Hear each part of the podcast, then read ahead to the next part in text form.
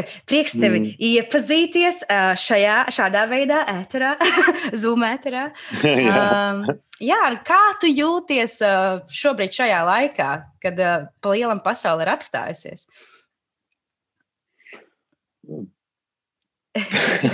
Īsti nav tā apstājusies. À, jā?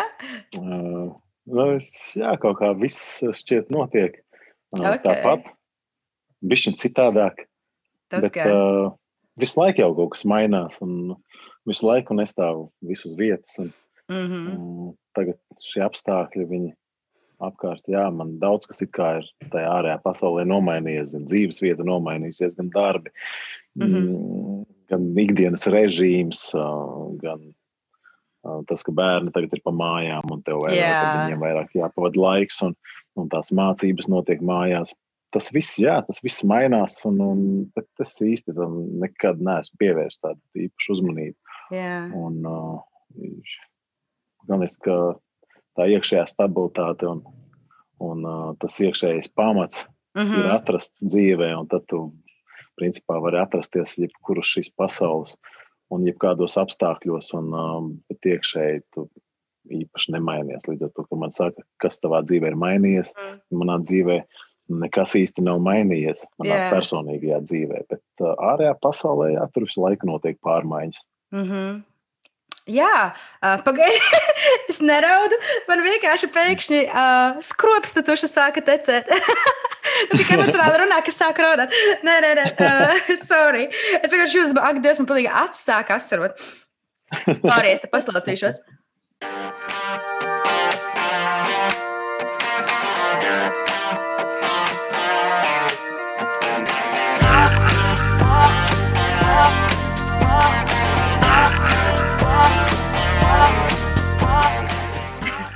Tā notiekās dzīve, agrie rīti. Um, tā, jā, turpinam, turpinam, turpinam. Um, gribēju to teikt, to, ka uh, to, ko tu tikko iesāki stāstīt, man uzreiz liekas, tu man personīgi asociējies ar ļoti. Um, ar cilvēku, kuram nepārtraukti ir ko darīt.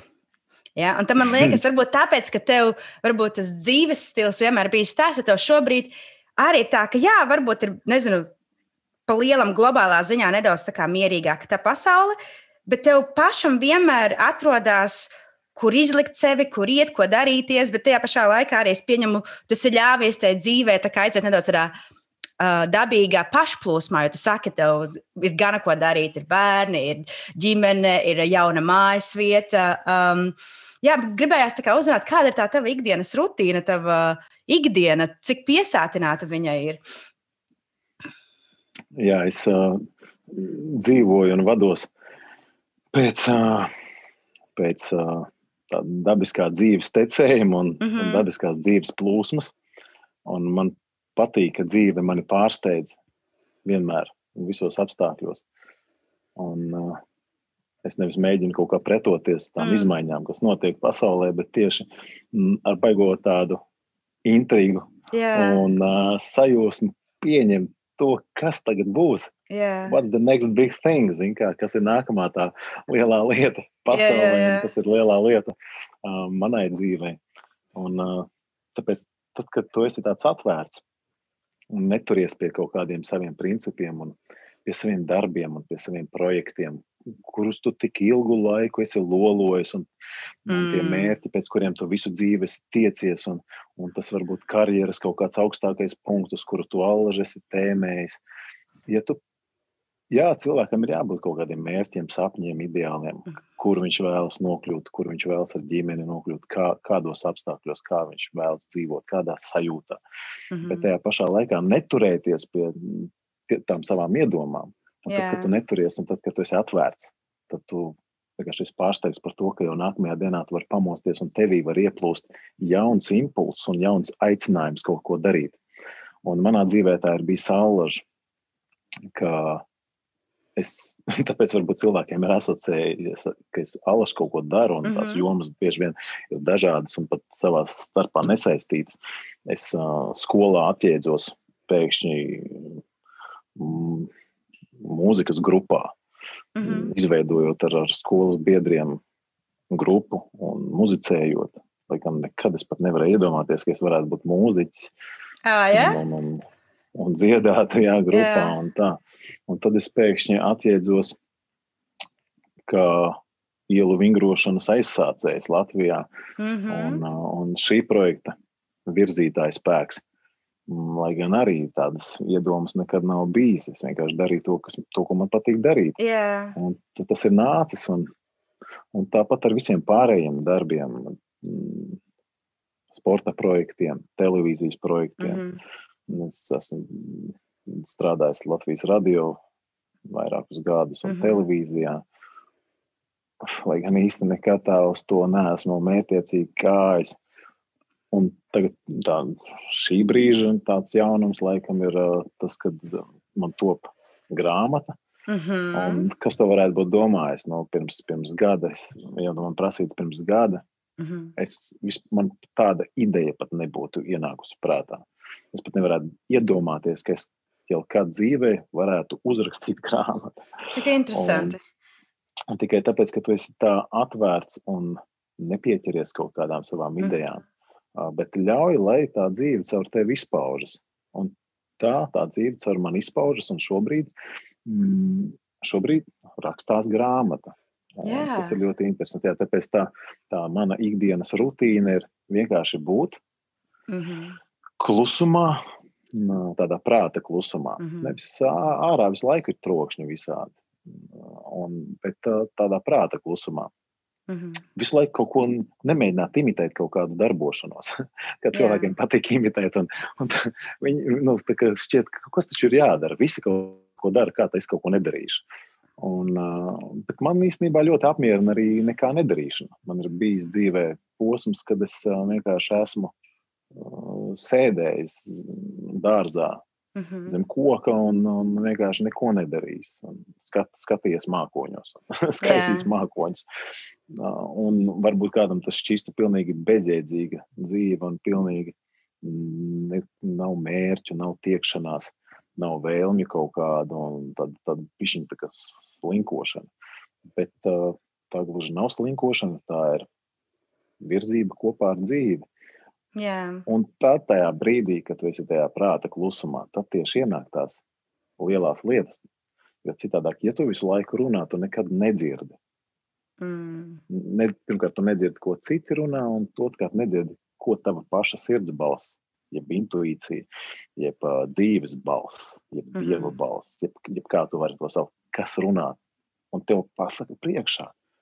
Mm -hmm. Un, un tā ir ar mani. Es laiku vienkārši klausos, kas ir tas, ko man dzīve pateiks. Nevis es mēģinu viņai teikt, ko es tagad darīšu un kā man vajadzētu dzīvot. Tad es ļauju, lai tā dzīve pasaka man priekšā, ko man darīt. Un šobrīd skaidrs, skaidrs kas man ir jādara. Jāuzraksta Jā. grāmata. Jā, tas man liekas rīktīgi forši un iedvesmojoši. Es, kad nu, kā, uzgāju to tavu Instagram profilu, un es skatos, ka tu strādā pie grāmatas. Man tāds, wow! Un izklausās tik interesanti, un aizgāju uz tavu uh, mājaslapu.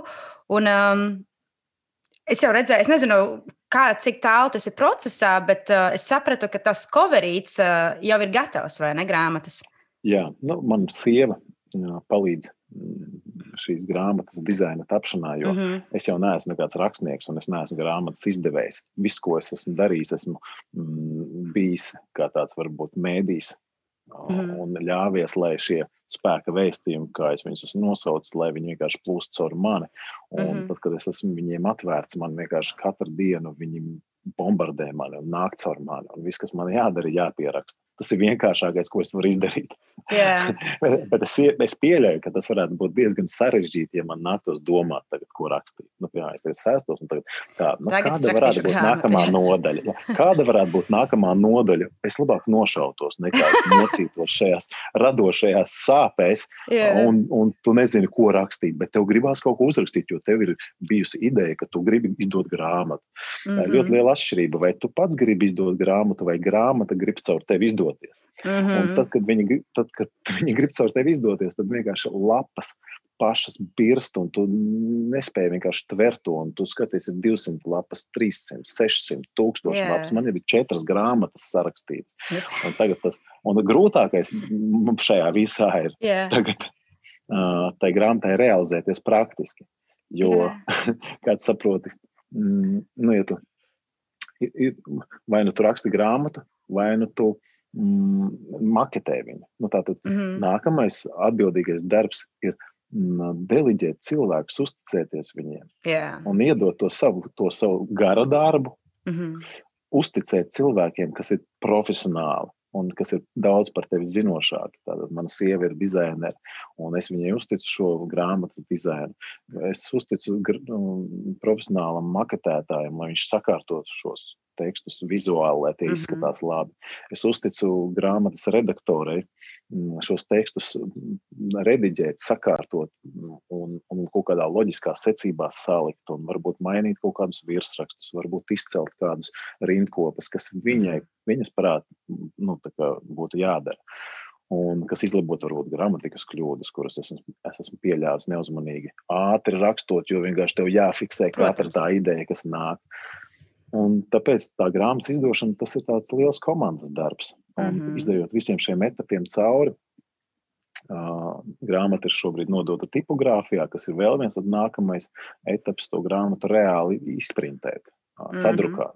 Mm -hmm. un, uh, un es nu, šobrīd, kā teikt, es visu savu darbu esmu izdarījis mm -hmm. šīs grāmatas sakarā, un tālāk jau es baudu jā, es gaidu, kad tas notiks, un tā grāmata jā, drīz jau būs pieejama un izdrukāta. Un es pats viņu paņemšu rokās, un es būšu pārsteigts par to, wow, kas, ir, kas ir nācis, jā, kas ir jā. piedzimis šajā klusuma brīdī, kādā, kad es esmu pilnīgi apstājies savā domās un ļāvis vienkārši ieplūst mm -hmm. tām idejām sevi, nevis pašam mēģināt izdomāt, ko man tagad darīt. Jo, jo skaidrs, ka, nu, kad, teiksim, kā mūziķim, mani darbi apstājušies, koncertu nav. Bet tas jau neliedz, protams, man mājās turpināt muzicēt, paņemt ģitāru, spēlēt. Mm, bet tajā pašā laikā, mm, ja es būtu tā turējies pie tā spītīgi un mēģinot tagad nu, kaut ko nezinu, nu, taisīt kaut kādus interneta koncertus un, un kaut kā maksimāli mēģināt to savu mūziku atkal uzspiest un realizēt mhm. cilvēkiem. Mm. Kaut vai šī nav tā, nu, manuprāt, nav šī manā dzīvē atbilstošākā situācija. Principā es mocītos visu laiku šajās muzikālajās um, mokās. Yeah. Tu kā gribi uh, izpausties muzikāli, bet tu nevari. Un, un man ir tik viegli, jo man ik pa laikam kaut kur uzaicina, kā uzspēlēt vai, mm vai mhm. apsveikt kādu yeah. caur internetu starpniecību. es, es jūtos, ka man ik pa laikam ir koncerti, bet es beigās neuzbāžos nevienam ar yeah. to. Jā, tāpēc ir ļoti svarīgi man šķiet turpināt būt tajā, tajā mierā, tajā prāta klusumā, jo viss, kam jānāk, nāks. Un tā, tur ir vajadzīga tā paļaušanās un uzticība mm -hmm. tam, ka viss notiks. Un, ja šobrīd nenotiek, izbaudi to brīdi, ka nekas nenotiek. Oh, jā, tieši tā. Sev. Jo, nu, ja, jo man kā, nu, teiksim, ja es apskatos iepriekšējo to dzīvi, nu, es tiešām nu, ļoti tāds darba spējīgs un enerģisks un, mm -hmm. un tāds tendēts uz, uz, uz panākumiem bija. Mm, bet man, man vajadzēja iemācīties īstenībā nosēdēt mierā un klusumā. Mm. Tad, kad tu to apzināti izdari, Pēc tam domā, wow, kā es līdz šim varēju vienkārši skriet, kā es varēju cīnīties tur un lausties, un, un, un, un kā es spēru tās durvis vaļā, un man vērt ciet, un es caur logu mēģinu ierāpties iekšā. Yeah. Un man vajadzēja par katru varīti sasniegt to, ko es biju iedomājies. Un tas bija rīktīgs tāds krieviem vārds ir abloms. Yeah. brīdī, tik ļoti ej uz kaut ko, ko tu tik ļoti gribi, un tu dabū vienu padeni un otru, un tev viena yeah. kāja liek priekšā un otru. Un, un nekas nesanāk, un tu tur sāc pārdzīvot par to. Beigās tu vienkārši apklusti, pats nomierinies, mm -hmm. un wow! Atverās vesela iekšējā pasaule, yeah. mm, kura tā tāds satelīts uztver vienkārši informāciju no kaut kurienes, no informatīvā lauka, un tur ieplūst. Un viss tas, ka, kam tev ir jāieplūst, un, un beigās cilvēki paši izdomās, ko viņiem no tevis vajag. Mm. grāmata bija tieši tas arī, ka, ka kāpēc saka, es nekad nebūtu iedomājies par grāmatu, un kā tad beig, beigās līdz tai nonāca, jo cilvēki komentāros zem maniem rakstiem, publikācijām internetā sāka rakstīt, varbūt tev jāizdod grāmata. Ah, tad tā tev tas notikās. Redzi, tā ir tā dzīve. Ka, ko nozīmē dzīve? un ko nozīmē dieva balss tevī? Yeah. Tā dieva balss un dzīves balss sauciens, viņš var nākt caur jebkuru cilvēku, kuru tu mm -hmm. satiec. Viss tas, kā mēs dzīvojam, ir, ir šīs visums, šī, šī apziņa, ja kolektīvā. Un tas var būt viens niecīgs mm, aicinājums no kāda pilnīgi sveša cilvēka, kurš tev komentārā uzraksta, klausies, ka tu negribi izdot grāmatu, un tad tu tā sēdi, wow, un tajā brīdī tu saproti, ka tas ir tas dieva aicinājums, un tas sauciens tevī radās impulss, un pēc tam vēl viens aicinājums, un vēl viens aicinājums. Es sapratu, viss. Nu, tātad tas, tas notiek jau. Mm -hmm. Tātad zīmes, šī ideja, zīmes. jā, tātad šī ideja par grāmatu, viņa jau top. Un, mm. man, tu, un es tur neko nevaru vairs darīt. Es tur nevaru vairs iejaukties. Es vienkārši uh, realizēju to, kas man ir jārealizē. Jā. Un, un tā, un tā, tā notika. Tāpēc esmu pateicīgs šiem cilvēkiem, kuri, ko, bez kuru uzmundrināšanas un atbalsta un aicinājuma es nebūtu varbūt pat saņēmies iedomāties par to, ka es varētu šos spēka vēstījumus kaut kad izdot grāmatā. Jā. Tā, nu, ir. Kāpēc tieši spēka vēstījumi? Kā, no kurienes tas nāk, tas virsraksts? Um, es savā dzīvē, uh, kā jau teicu, uh, nu, es neteicu, bet um, par ko mēs pirms tam runājam, es to visu definētu kā spēku sevī. Jo, mm -hmm. lai, cik pirms, lai cik es savā kaut kādā noteiktā dzīves posmā biju tāds maksimālists un, un sasnieguma cilvēks, un, un lai cik es trenētos un būtu fiziski spēcīgs, es domāju, ka tas ir īstais spēks, tas konkurences gars, ka tu uzvari kādu, Mm -hmm. ka tas ir spēks. Un kaut kādā dzīves posmā, kad es teicu, ka es, kad es apstājos, šī apstāšanās, mēs viņu varētu nosaukt arī par padošanos bišķiņu dzīvē. Pozitīvā nozīmē, ka tu padodies, tu uzticies dzīvē. Yeah. Un tu saki, dari ar mani, ko tu gribi.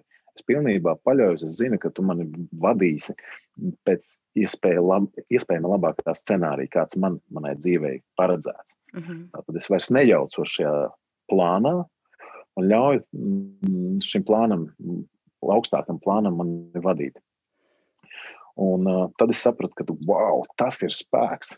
Un es sevi izjūtu, nu, nezinu, miljonus reižu lielāku spēku nekā līdz šim, kad es pats tiecos pierādīt sevi kā tādu spēka mitriķi, uh, pierādīt visiem, cik es esmu tur superīgs, tur muzikāls, sportisks, Mm -hmm. cik es esmu varošs, cik es esmu talantīgs un tā tālāk. Nu, cik, Mhm. Un tad, un tad tu savu to personīgo to ego tu cel debesīs pats.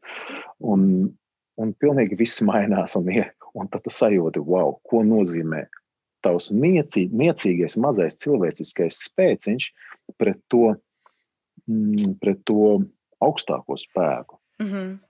Un, un šis augstākais spēks tā bija sava veida mm, padošanās un zaudējums.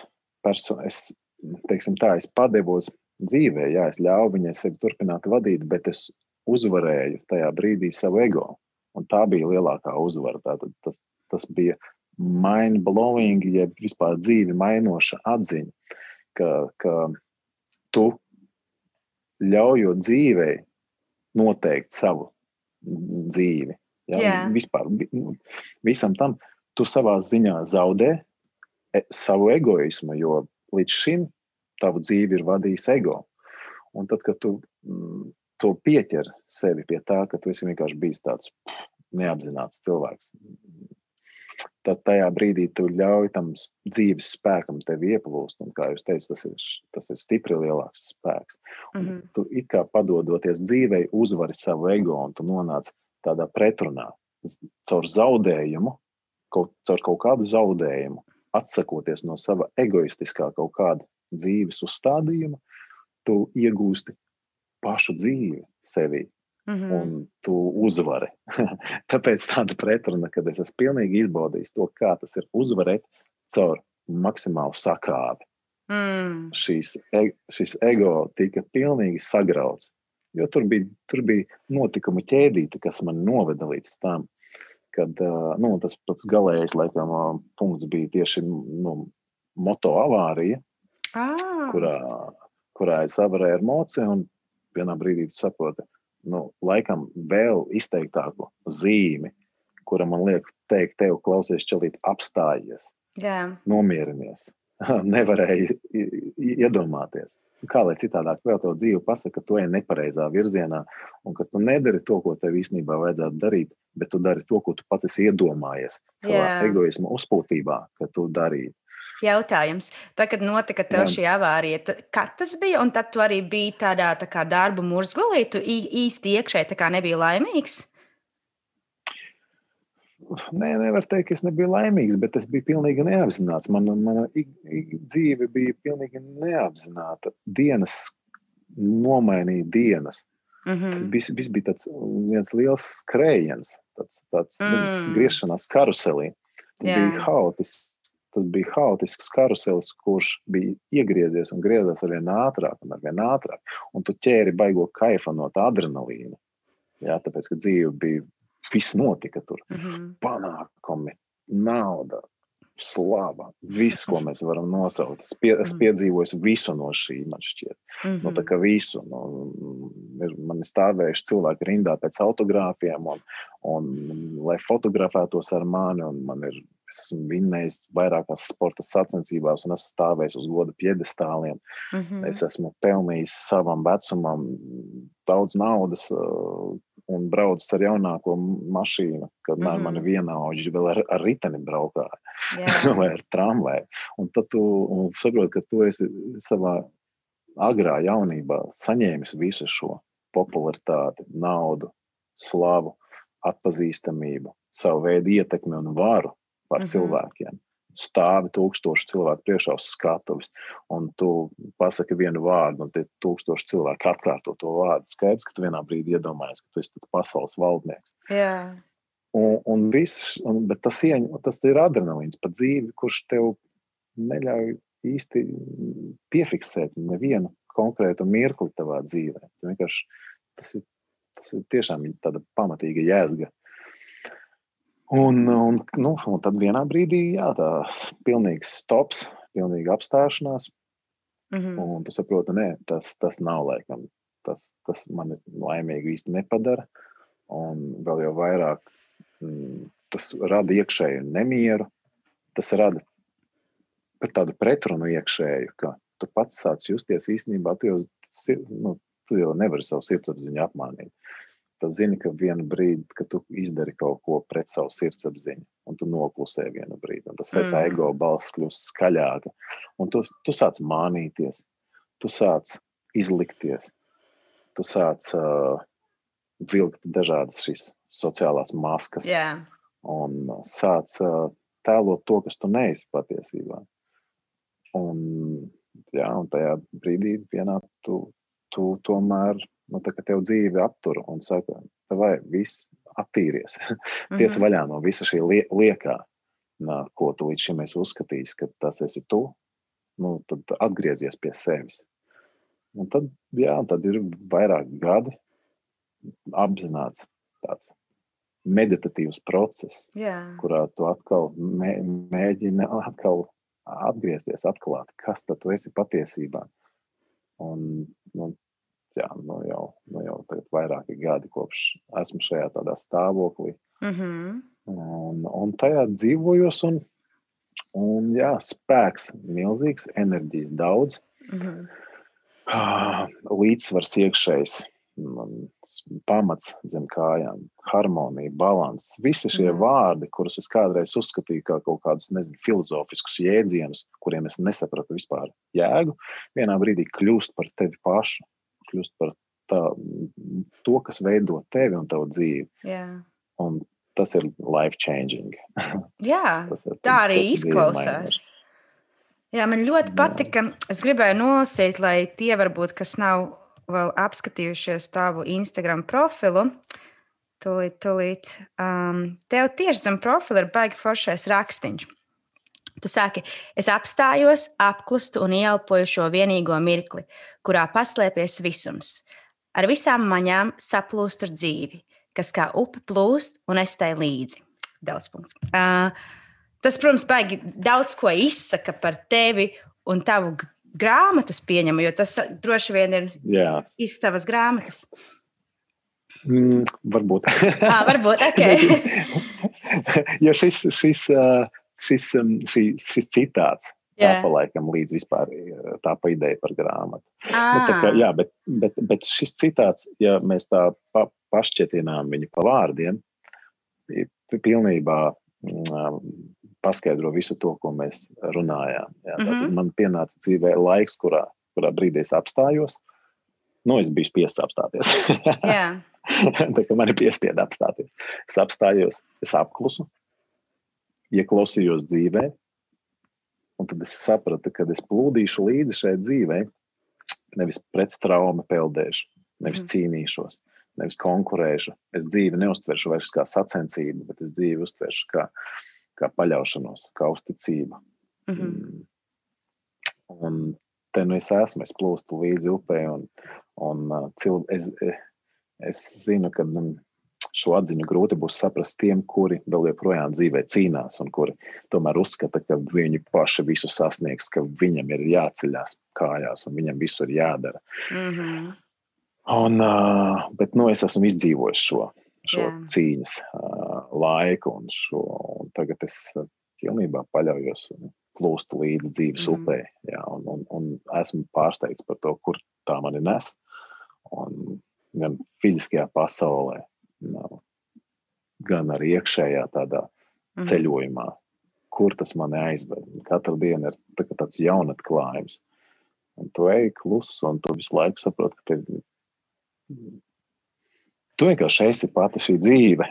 Yeah. tā ir interesanta tāda saplūsta dzīve. Tas nozīmē būt viņā mm, par daļu dzīves, nevis par kaut ko atsevišķu nevis par kaut kādu tādu svešķermeni dzīvē, kurš uh, rotē pēc saviem egoistiskajiem uzskatiem kaut kādiem.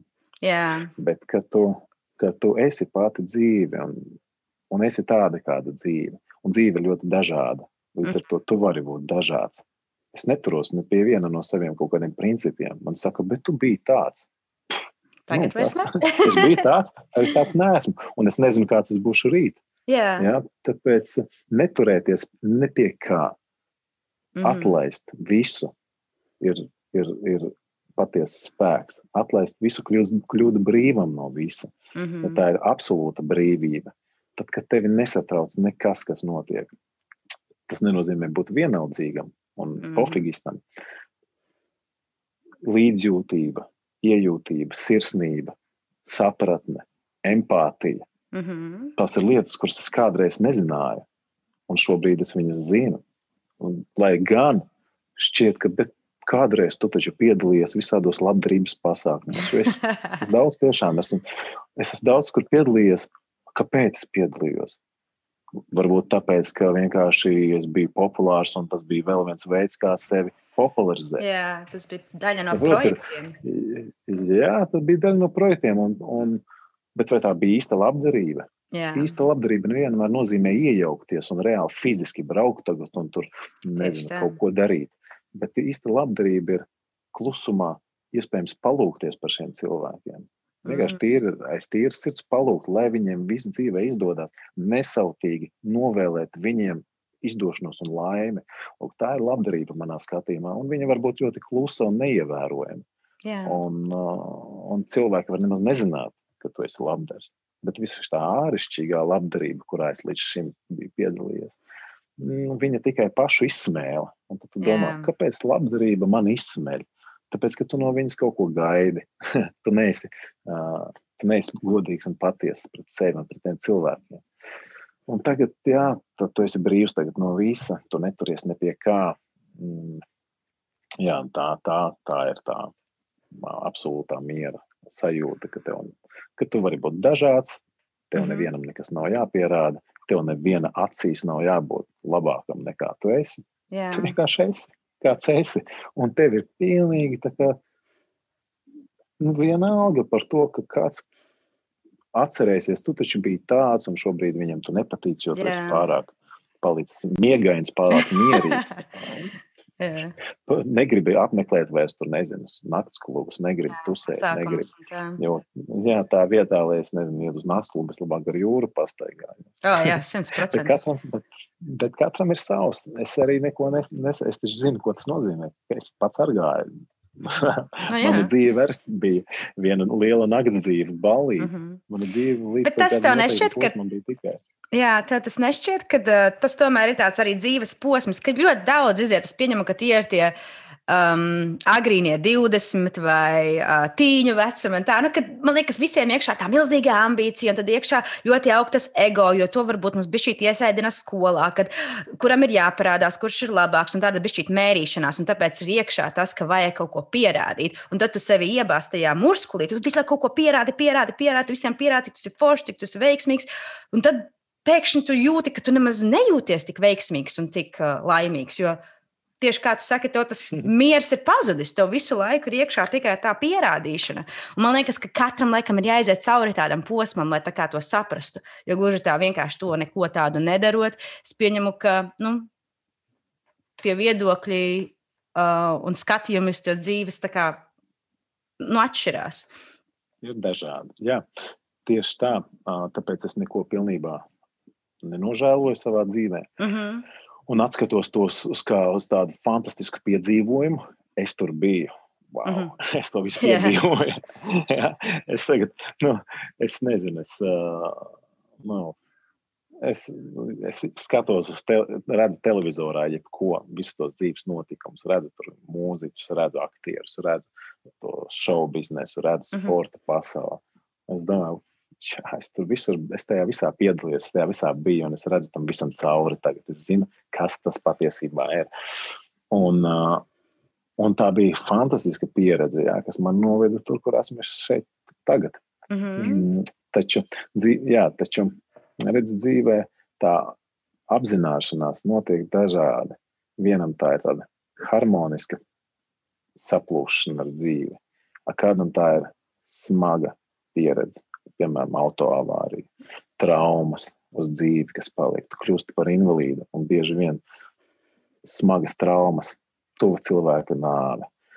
Um, bankrots dzīvē, ka tu Jā. esi jeb, uh, smaga mīlestība, kura tev liekas stāvēt uz tilta un domāt par pašnāvību, Mm. mm. liekšanu upē.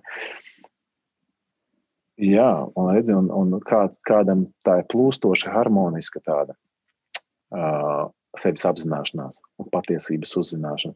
Kādam tas ir caur sāpēm, Mhm. caur smagu pieredzi.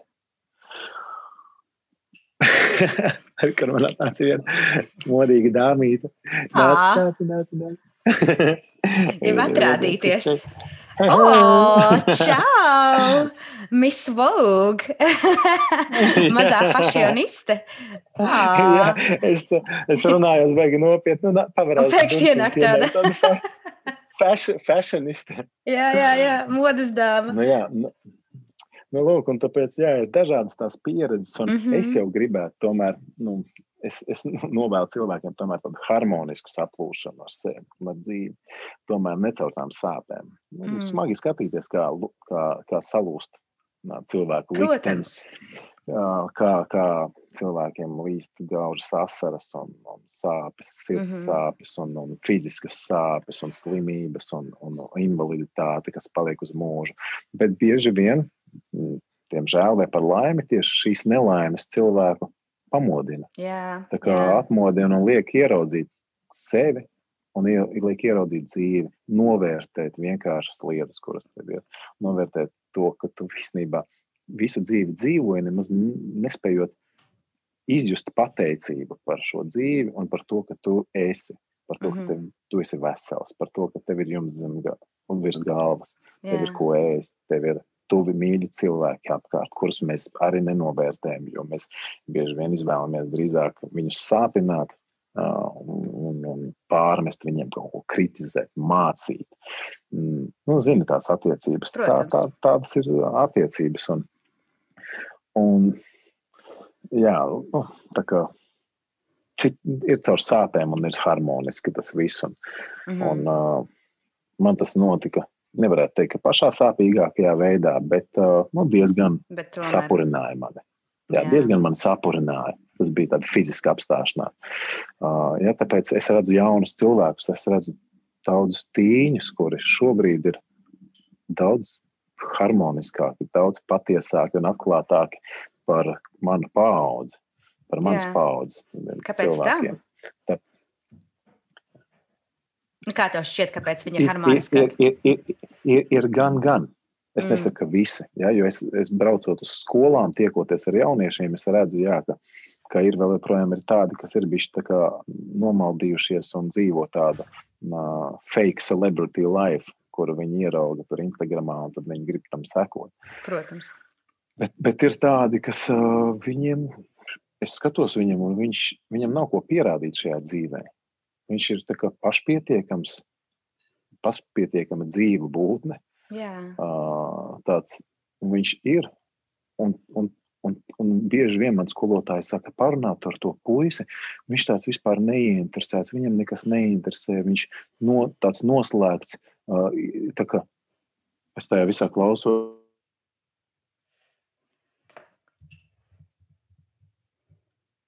Ah, viņš tāds introverts. Mēs gribam. Man te piezvanīja vēlreiz sākšu to pašu. Jā, jo man tikko pēkšņi man... pārtrauka, un tāds, oh, kas notika? jā, jā tad puisis. Jā. Ir, esmu saticis arī tādus jā, jauniešus, kuriem šķiet, ka neko arī negribās. Viņi ir tik pašpietiekami, un viņi ir klusi, mm -hmm. netraucējoši citiem. Un kāpēc mūsu sabiedrībā šādi cilvēki tiek uzskatīti par kaut kādiem dīvainīšiem? Lai gan man šķiet, ka dīvaini ir tieši tie, kuri ir tādi agresori dzīvē, kuri visu laiku lien citiem virsū, kuri traucē citiem dzīvot, traucē mm -hmm. paši sev, viņi paši sevi ir nemiera gari, un viņi traucē arī citiem. Un savukārt tas viens tur sēž stūrītī, nu, ļaujiet viņam vienkārši dzīvot, ļaujiet viņam vienkārši būt, ko jūs maisaties viņa dzīvē. Mm -hmm. Un tā vienmēr, zinot, tiem, tiem skaļajiem vienmēr gribās uzzināt, kas tam klusējam ūdenim prātā. Un man šķiet, ka ar viņu viss ir kārtībā. Viņš vienkārši ir.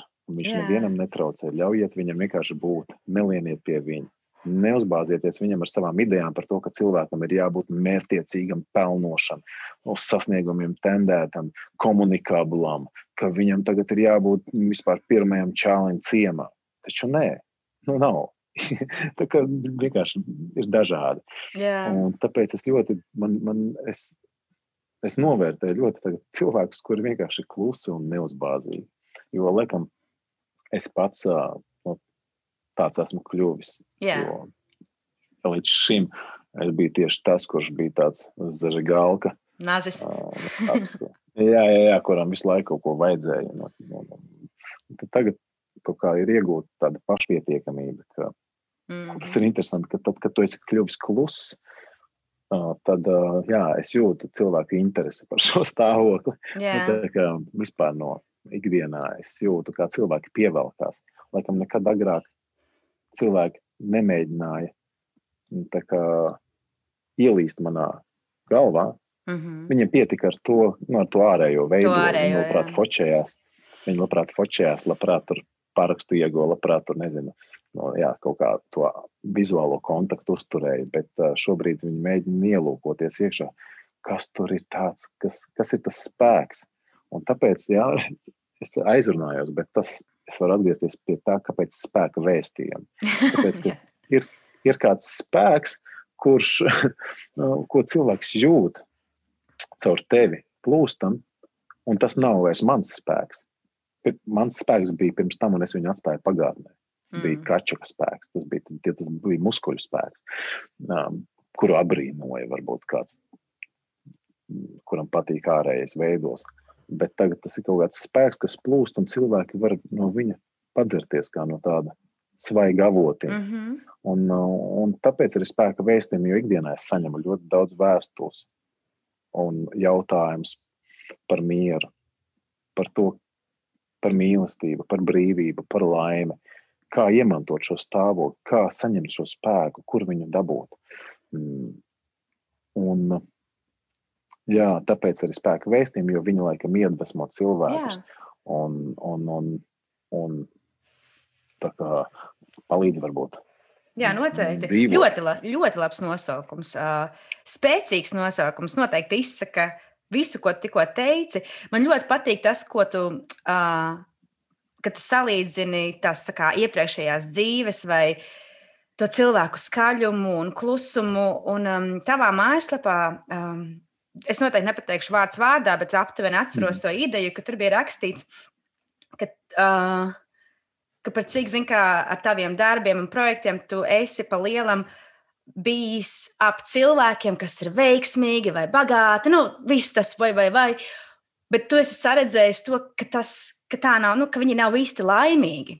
Un uh, es gribēju pajautāt, labi, gluži jau tur nesauksim konkrētus piemērus, bet um, cik bieži tu esi sastapies, vai tādi ir visi cilvēki, kad um, Jo, nu, tā kā varbūt tas jau nav milzīgs noslēpums, bet tā pa lielam izskatās, ka ļoti daudzi tie publiskie tieši cilvēki, kas ir izgājuši ārā un cilvēki varbūt no malas uz viņiem skatās un parādās tā, tā vīzija, ka tas cilvēks ir ļoti priecīgs un veiksmīgs. Bet es iedomājos, tu par cik tajā visā vidiņā esi, tu droši vien tiešām esi novērojis to, ka tas cilvēks patiesībā nav tik priecīgs, kāds viņš grib izlikties. Um, Jā. Kāds ir kā tavs novērojums Latvijā? ir tieši, tieši vēl izteiktāks. Kā, jo mazāk spīļu dīķis, mm. jo, jo, jo lielākas zvaigznes. Uh, jo vairāk var redzēt. Jā, un, um, un tas ir kā līdzīgi, kā aiziet uz teātris izrādi un skatīties aktierus, kuri tik prasmīgi var nospēlēt jebkuru lomu. Mm. Un tu notici tajai lomai, un tu skaties ar aizrautību. Un tāpat arī cilvēki reālajā dzīvē spēlē tādu teātri, kurā paši spēlē lomas. Tikai nu jā, labs aktieris, viņš vienmēr saug ar to lomu. Mm. Bet no malas skatoties, skatītājiem tas ir forši redzēt, un viņam dod balvas tam aktierim par to, ka viņš tik profesionāli spēja uh, iznest šo lomu. Bet ko tas prasa no šī paša aktiera? visbiežāk tas prasa aiziet mājās, piedzerties vai varbūt mm, lietot kādas narkotikas mm -hmm. vai kādā citā veidā atbrīvoties no šīs lomas. Tas ir tik smagi, emocionāli. Un bieži vien, kāpēc mēs varam novērot, ka aktieri pēc kaut kādas izrādes iemīlās viens otrā, noticot šai lomai, un um, aktieri viens ar otru bieži vien tur precās, šķirās. Es runāju par tādām attiecībām, ja, tāpēc, Jā. ka viņi notic tam un padzīvo kaut kādu gadu kopā un saprot, ka mums ar to cilvēku nav nekas kopīgs. Bet Tieši uz to tā. brīdi viņš tik ļoti sauga ar to lomu, ka viņš noticēja un viņu, viņa dzīve uh, tika ietekmēta no, no šīs lomas. Tāpat arī ikdienā šie, šie cilvēki, nu, pārsvarā publiskas personības, ar viņiem ir tieši viņi ir kā teikt, tā mērķa auditorija tieši visām veģetatīvām desnonijām un, un, oh, yeah. un depresijām un stresa sab un nervu sabrukumiem. Viņi tiešām mērā tāpēc, ka viņi aizmirst jau, kas viņi paši ir. Viņi spēlē savu to publisko lomu, un viņi nespēja vairs kā, relaksēties. Viņi, viņi nespēja vairs būt patiesi, jo, ja viņš kaut kādā brīdī sāks būt godīgs, tad iespējams viņš pazaudēs to auditoriju un tos cilvēkus, kas viņu klausās, kas viņam seko. Viņš nu, kaut vai viņš nevarēs vienkārši, nezinu, sieviete, kas ir mūziķa, dziedātāja, aktrise. Iedomājieties, ka stāja pa atbildību visu dzīvi izlikties par perfektu cilvēku. Nu, tāpēc, ka tev jābūt perfektam, tev vienmēr jā, labi jāizskatās, tev vienmēr skaisti jārunā, tev vienmēr jābūt dīvai. Mm -hmm. Bet tas taču ir šausmīgi grūti. Nu, ka, ja tu vēl pie tam esi māte, taču tas ir sarežģīti. Protams, tu, gribi, tu šeit tad gribi būt izpūris, tu tad gribi būt nekrāsojies, tu tad gribi vienkārši uzvilkt savus, savu džemperīti, piezo un vienkārši iziet ārā un būt vienkārši neko nedarot, neizliekoties. Mm -hmm. Un, lūk, redz, un tāpēc šie cilvēki ir pakļauti tai, tai, tai dzīves mācībai. Ka, mm. Un te, te pretrunai starp savu patieso es un starp savu šo ego, šo pseido es, šo, šo masku, kuru tu nesā. Yeah. Ja, tāpēc, jā, tāpēc bieži vien cilvēki jāsaug ar tām maskām, ar statusiem saviem, ar tēliem, kurus viņi spēlē. Un, un, un tad mēs redzam tādas traģēdijas, traģēdijas kā piemēram, nu, bija tāda grupa Linkin Park. Yeah. Un bija dziedātājs Chesters. Mm -hmm. Viņam bija, ja nemaldos, pieci bērni, viņam bija sieviņa, viņam bija, iedomājieties, ja tas bija pasaules populārākās grupas solists. Šķiet, kas viņam traucēja dzīvot, kas viņam mm. pietrūka šajā dzīvē, jo viņam taču bija viss, viņam bija ģimene, nauda, māja, mašīnas. Nu, var sakot, visa pasaule bija viņam atvērta. Viņam nebija nekādu ierobežojumu. Viņam bija viss, un viņš vienā dienā uzteica pašnāvību. Yeah. Un, un, un tas jau ir tikai viens stāsts. Mēs Tieši taču varam tā turpināt saukt uh, šos pasaules slavenos cilvēkus, kuri kaut kādā brīdī neiztur šo spriedzi. Neiztur, jo viņi ir tik ļoti jau sauguši ar to tēlu, viņi nespēja no viņa nekādi tikt vaļā. Un tā ir traģēdija. Tā ir traģēdija. Tāpēc mm, es nesaku, ka, nu, ka mūziķis nevar būt populārs un mūziķis nevar būt bagāts. Tas viss ir forši. Ja vien tu to nopelni ar patiesību, ja tu pats neizliecies tajā un ja tu esi laimīgs tajā, mm -hmm. esot. Mm -hmm. ja, jo tas taču ir super, ja tu dari to, kas tev patīk. Cilvēki tevi mīl un, un tu vari vēl joprojām būt tu pats.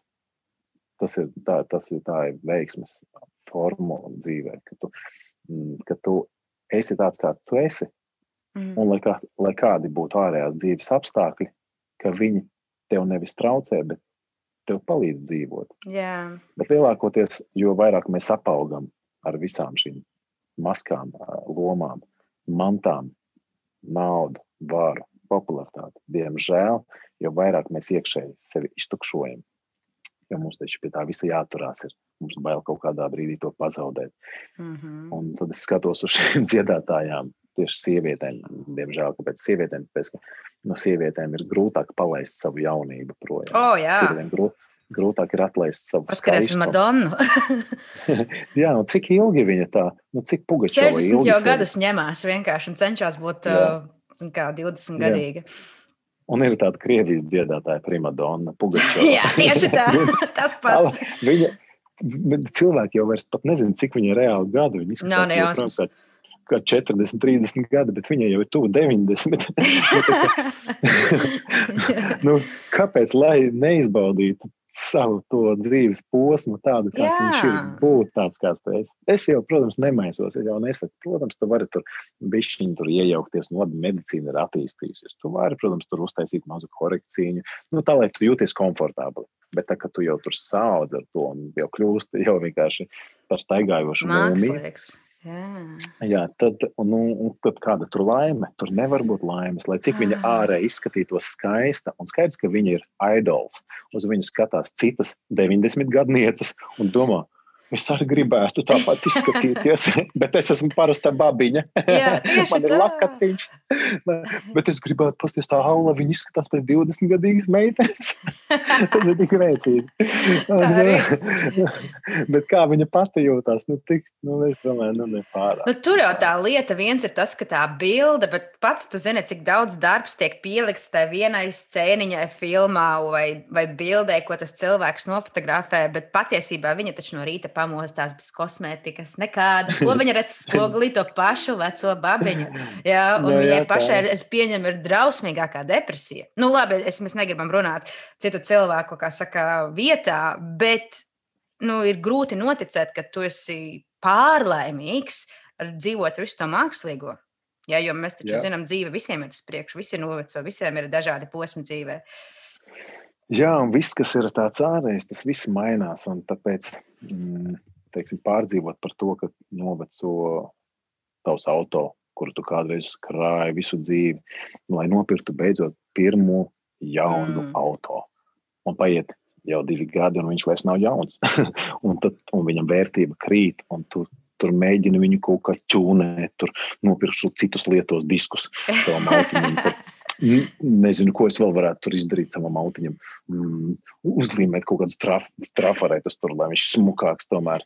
Un tā, tu saproti, tu turies pie tām ārējām lietām, mēģinot viņus laiku kaut kā uzlabot un, un aizturēt viņu dabisku novecošanu un noārdīšanos. Mm -hmm. Viss tas noārdās. Nu, un palaist to.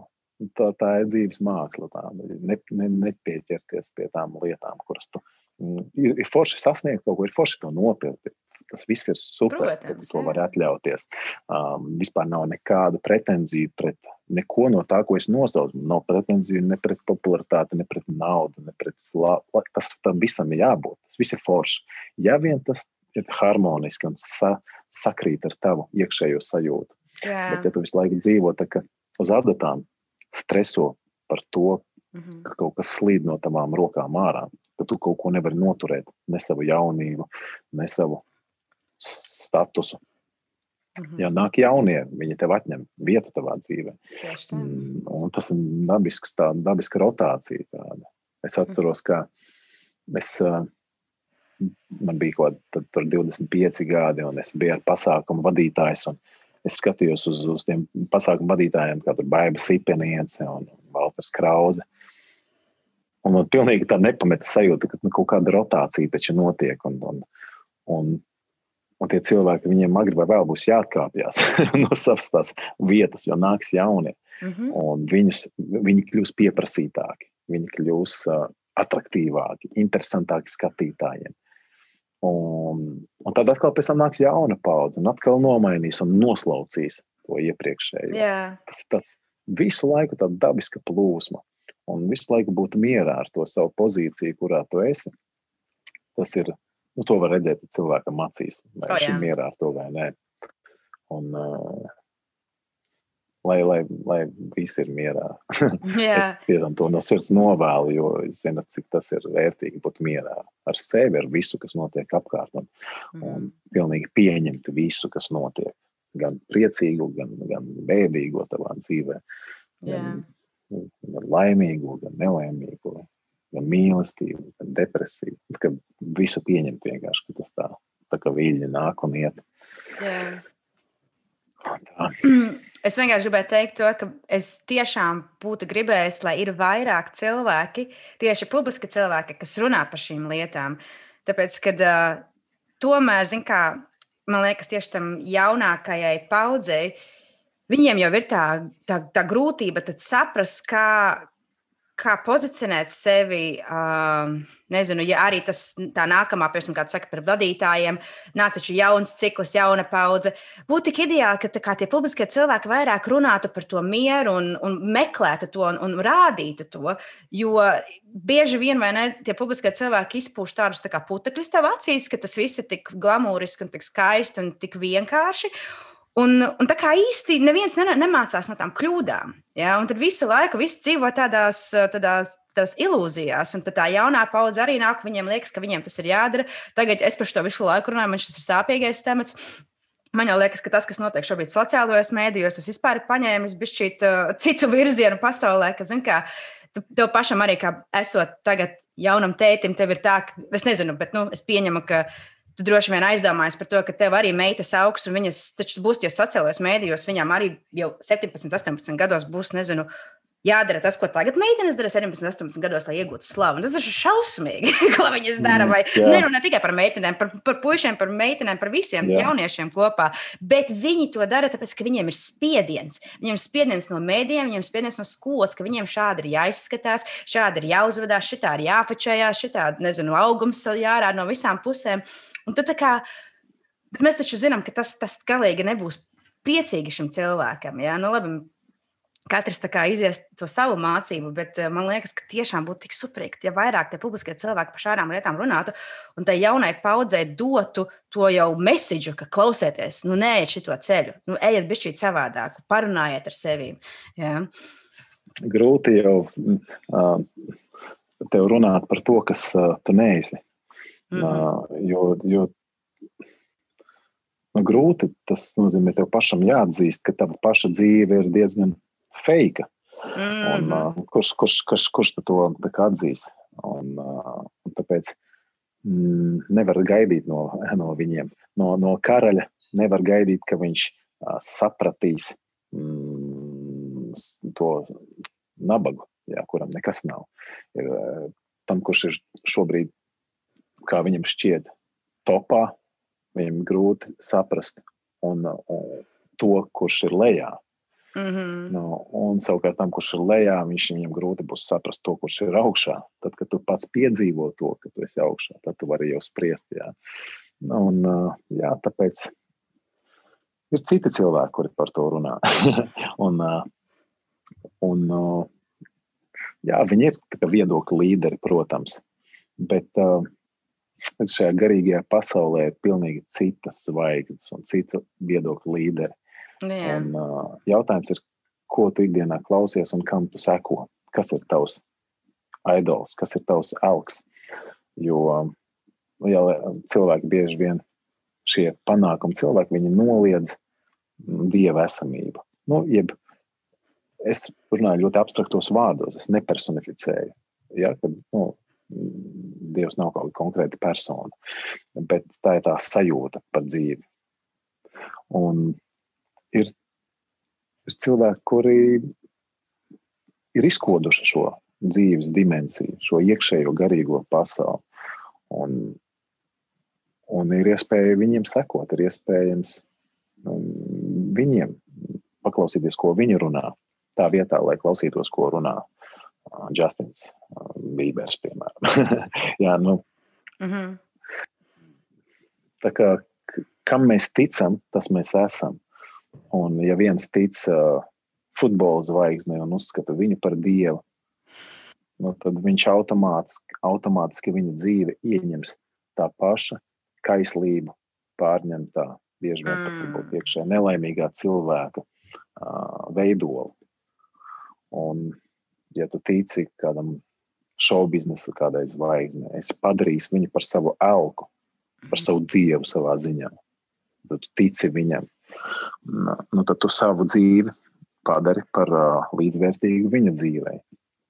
Tas līdzīgi, nu, ja tu ej tur visu laiku pusfabrikātus, nevar tu gaidīt, ka tu būsi slaids un būsi vesels. Nu, tas ir laika jautājums, ka tu vienkārši uzbarosies un tava dzīve ieņems to formu, ar kādu tu sevi baro visu laiku.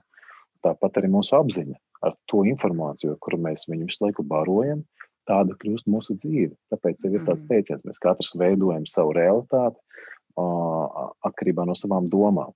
Ja tā doma ir sēkla tam auglim, kas vēlāk izaugs, un kāda kļūst tava dzīve. Un ir ļoti svarīgi, kam mēs sekojam, ir svarīgi, mm -hmm. ko mēs klausāmies, ir svarīgi, kādu informāciju mēs patērējam. Un, ja cilvēks visu laiku skatās ziņas, un skaidrs, ka ziņu galvenā ideja ir iebiedēt cilvēkus. Un visu laiku viņam likt manīt par to, cik viss pasaulē ir slikti, tad tava pasaule reāli kļūst biedējoša.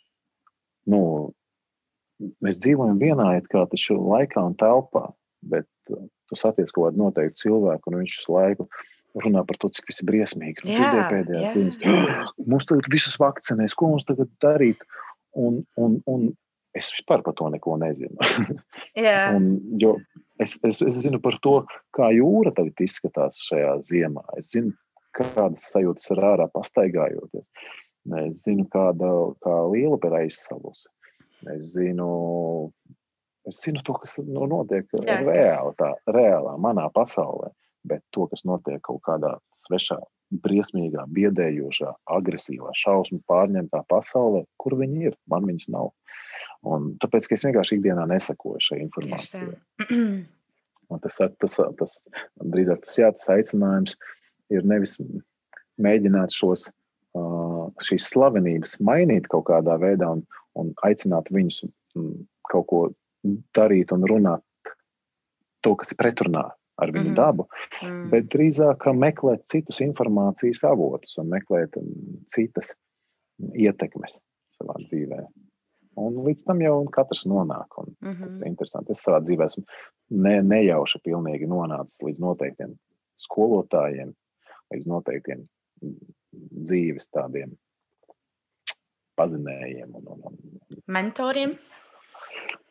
Jā, mentoriem, jā. Un, mm. uh, viņi nav fiziski man pazīstami, es viņus nepazīstu. Bet šobrīd ir tik daudz informācijas, tik daudz, tik daudz grāmatas un, un dažādi no nu, šie YouTube kanāli, kaut vai, jā. kur tu vari šos cilvēkus satikt, kā mēs šobrīd ar tevi satiekamies un mm -hmm. runājam, kā sen pazīstami cilvēki. jā, jā, lai gan mēs iepazināmies tagad tikai. Nu, tāpēc, jā, ļoti svarīgi, kādā informatīvajā laukā mēs katrs atrodamies. Jā, tu varbūt tas vari padalīties, tas, kas ir tev pašam personiski tie interesantie, nezinu, vai mentori, vai podkāsti, vai YouTube. Es nezinu, kas, kas ir tie tādi cilvēki, varbūt, kuri, kur, kur tev kā, šķiet interesanti, un tu klausies varbūt viņu sarunas un ieteikumus. Jā, ir tāds viens tāds, nu, saucam viņu par dzīves skolotāju, vai kā, ar, ar tādu segvārdu kā mūģī. Uh, M, O, O, J, I, mūģī. Mm. Un uh, viņš organizē jā, tādus uh, tā kā, dzīvās tikšanās ar cilvēkiem. Uh, viņš ir ārpus jau kādām reliģijām. Nu, uzreiz tad jāsaka, jā, ka tas nav saistīts ar kādu reliģiju noteikti. Okay. Bet tas ir uh, dzīves vietas cilvēks. Dzīves vietas cilvēks, kurš šo dzīvi ir iepazinis un iepazīstināts ar cilvēka dabu, patieso cilvēku dabu. Un es viņu nepazīstu, bet es izjūtu dziļu cieņu pret viņu. un, un,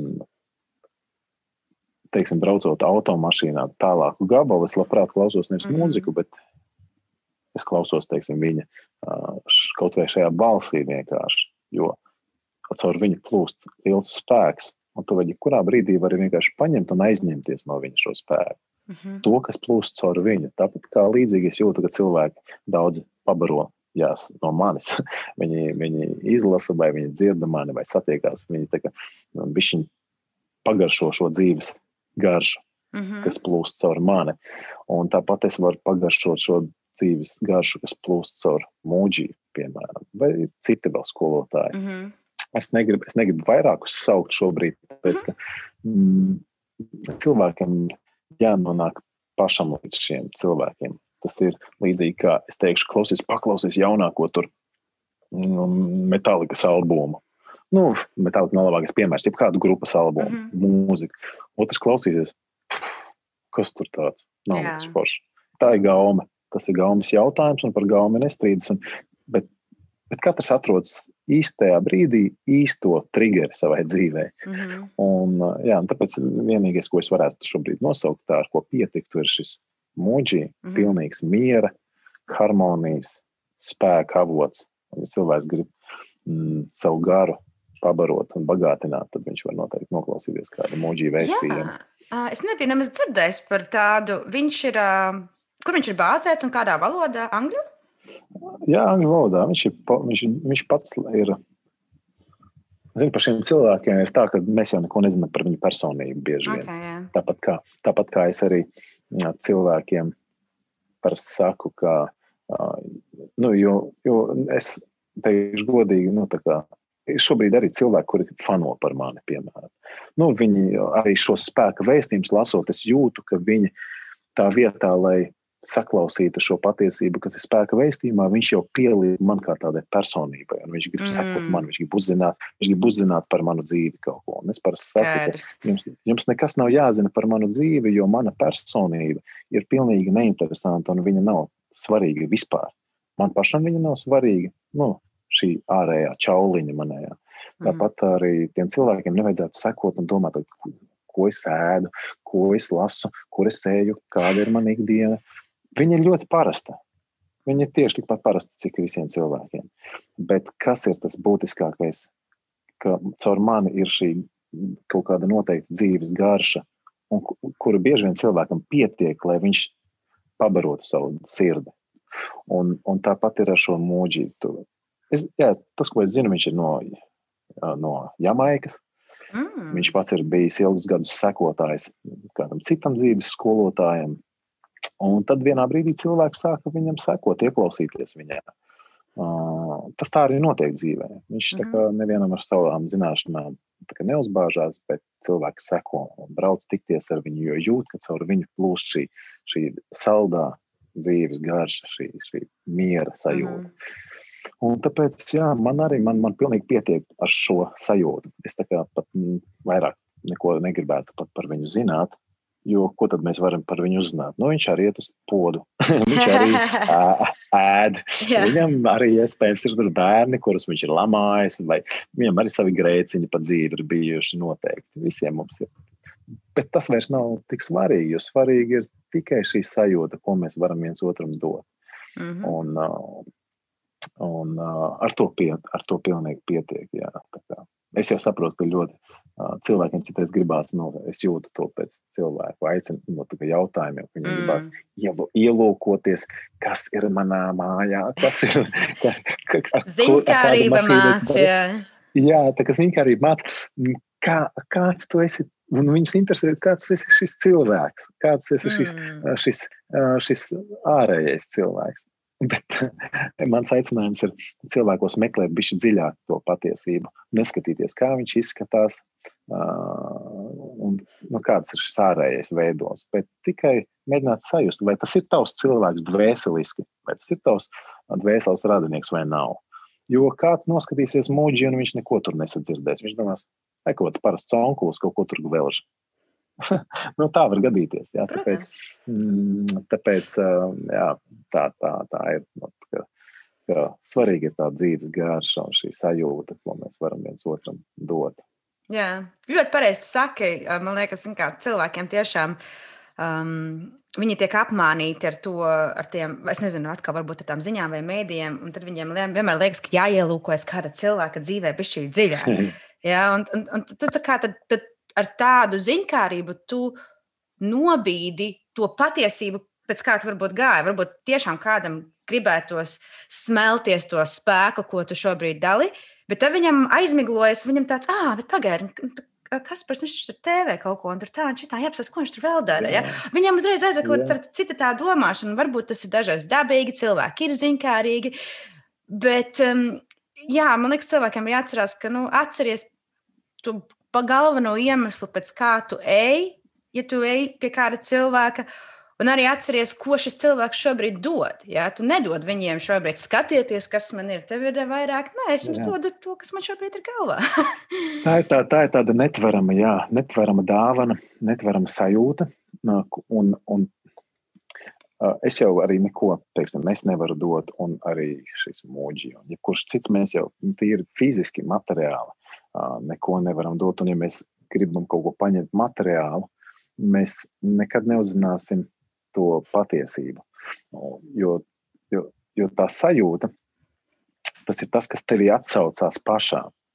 Tātad tas spēks, tā mīlestība, tas miers, harmonija, ko tu it kā meklē, tā, tā galējā pietura, ja tā patiesība, pie kuras tu vari nonākt, ir apzinoties, ka tas viss ir tevī. Bet kā tu līdz tam vari nonākt, ir pieskarties tai plūsmai caur šiem cilvēkiem. Tāpēc gadsimtiem budismā, hinduismā, krišnaismā, Mhm. kristietībā. Cauri gadsimtiem ir bijuši šie skolotāji, kuri mm, nevis kā personības ir svarīgi, bet kuri no paudzes paudzē nodod šo vēstījumu, šīs, šo sajūtu par patiesību, šīs zināšanas, nepraktiskās zināšanas. Un tās ir svarīgas, jo tad, kad tu pieskaries šai plūsmai un ļauj viņai caur sevi iznākt, tad tu atklāji to visu sevī. Tad tev vairs nav. Uh, jā, notika. Jā. Tad, kad tu atklāji šo plūsmu sevī, tad tev vairs nav nekas vajadzīgs pie kā pieķerties. Jo tu saproti, ka tas viss esi tu pats un ka tas nav tajā cilvēkā. Cilvēkā nekas nevar būt tajā personībā. Tā, tā personība ir tieši tāda pati kā visas citas, bet tas, kas caur viņu plūst, tā ir tā, tas, tā, ir tā patiesība. Un, mm -hmm. un pie Mhm. viņas ir jāpies, jāpieskarās un jāļauj viņai sevi uzplaukt. Un tā, tāpēc to mieru mēs nevaram nekur citur atrast. Mēs nevaram viņu atrast, um, braucot tur tikai paskatoties uz baznīcu vai paskatoties uz noteiktu templi vai uz noteiktu skolotāju. Mēs mēs varam caur, sev, caur sevi izlaist to sajūtu. Tikai tad mēs varam nokļūt pie tā, ko mēs īsti dzīvē meklējam - to harmoniju, laimi, mieru. Mm -hmm. Tikai atklājot, ka tas ir tas, ir tas kas ir mūsos pašos. Un, ja mēs to esam atklājuši, tālāk cilvēki gribēs to no mums. Bet nevis no mums kā no cilvēka, bet šo sajūtu, kas ir dziļāk par prāta dimensiju, par to, ko mm. mēs parasti mēģinām saprast. Mēs mēģinām šīs zināšanas izprast ar prātu, bet mēs nevaram. Un tāpēc tie cilvēki, viņi mm, lasot grāmatas, gribot tikties ar šiem skolotājiem, viņi mēģina ielūkoties viņā un saprast, kas ir tas, kas, kas, ir, tas, kas ir tā patiesība. Mm -hmm. Un bieži vien tā, mēģina to izprast vienkārši ar prātu, bet to nevar izprast, to var izjust. Tāpēc es saku, tā ir dzīves garša, kuru nevar izskaidrot. Viņa vienkārši, ja, tu, ja viņa plūst caur tevi, tad viņa plūst.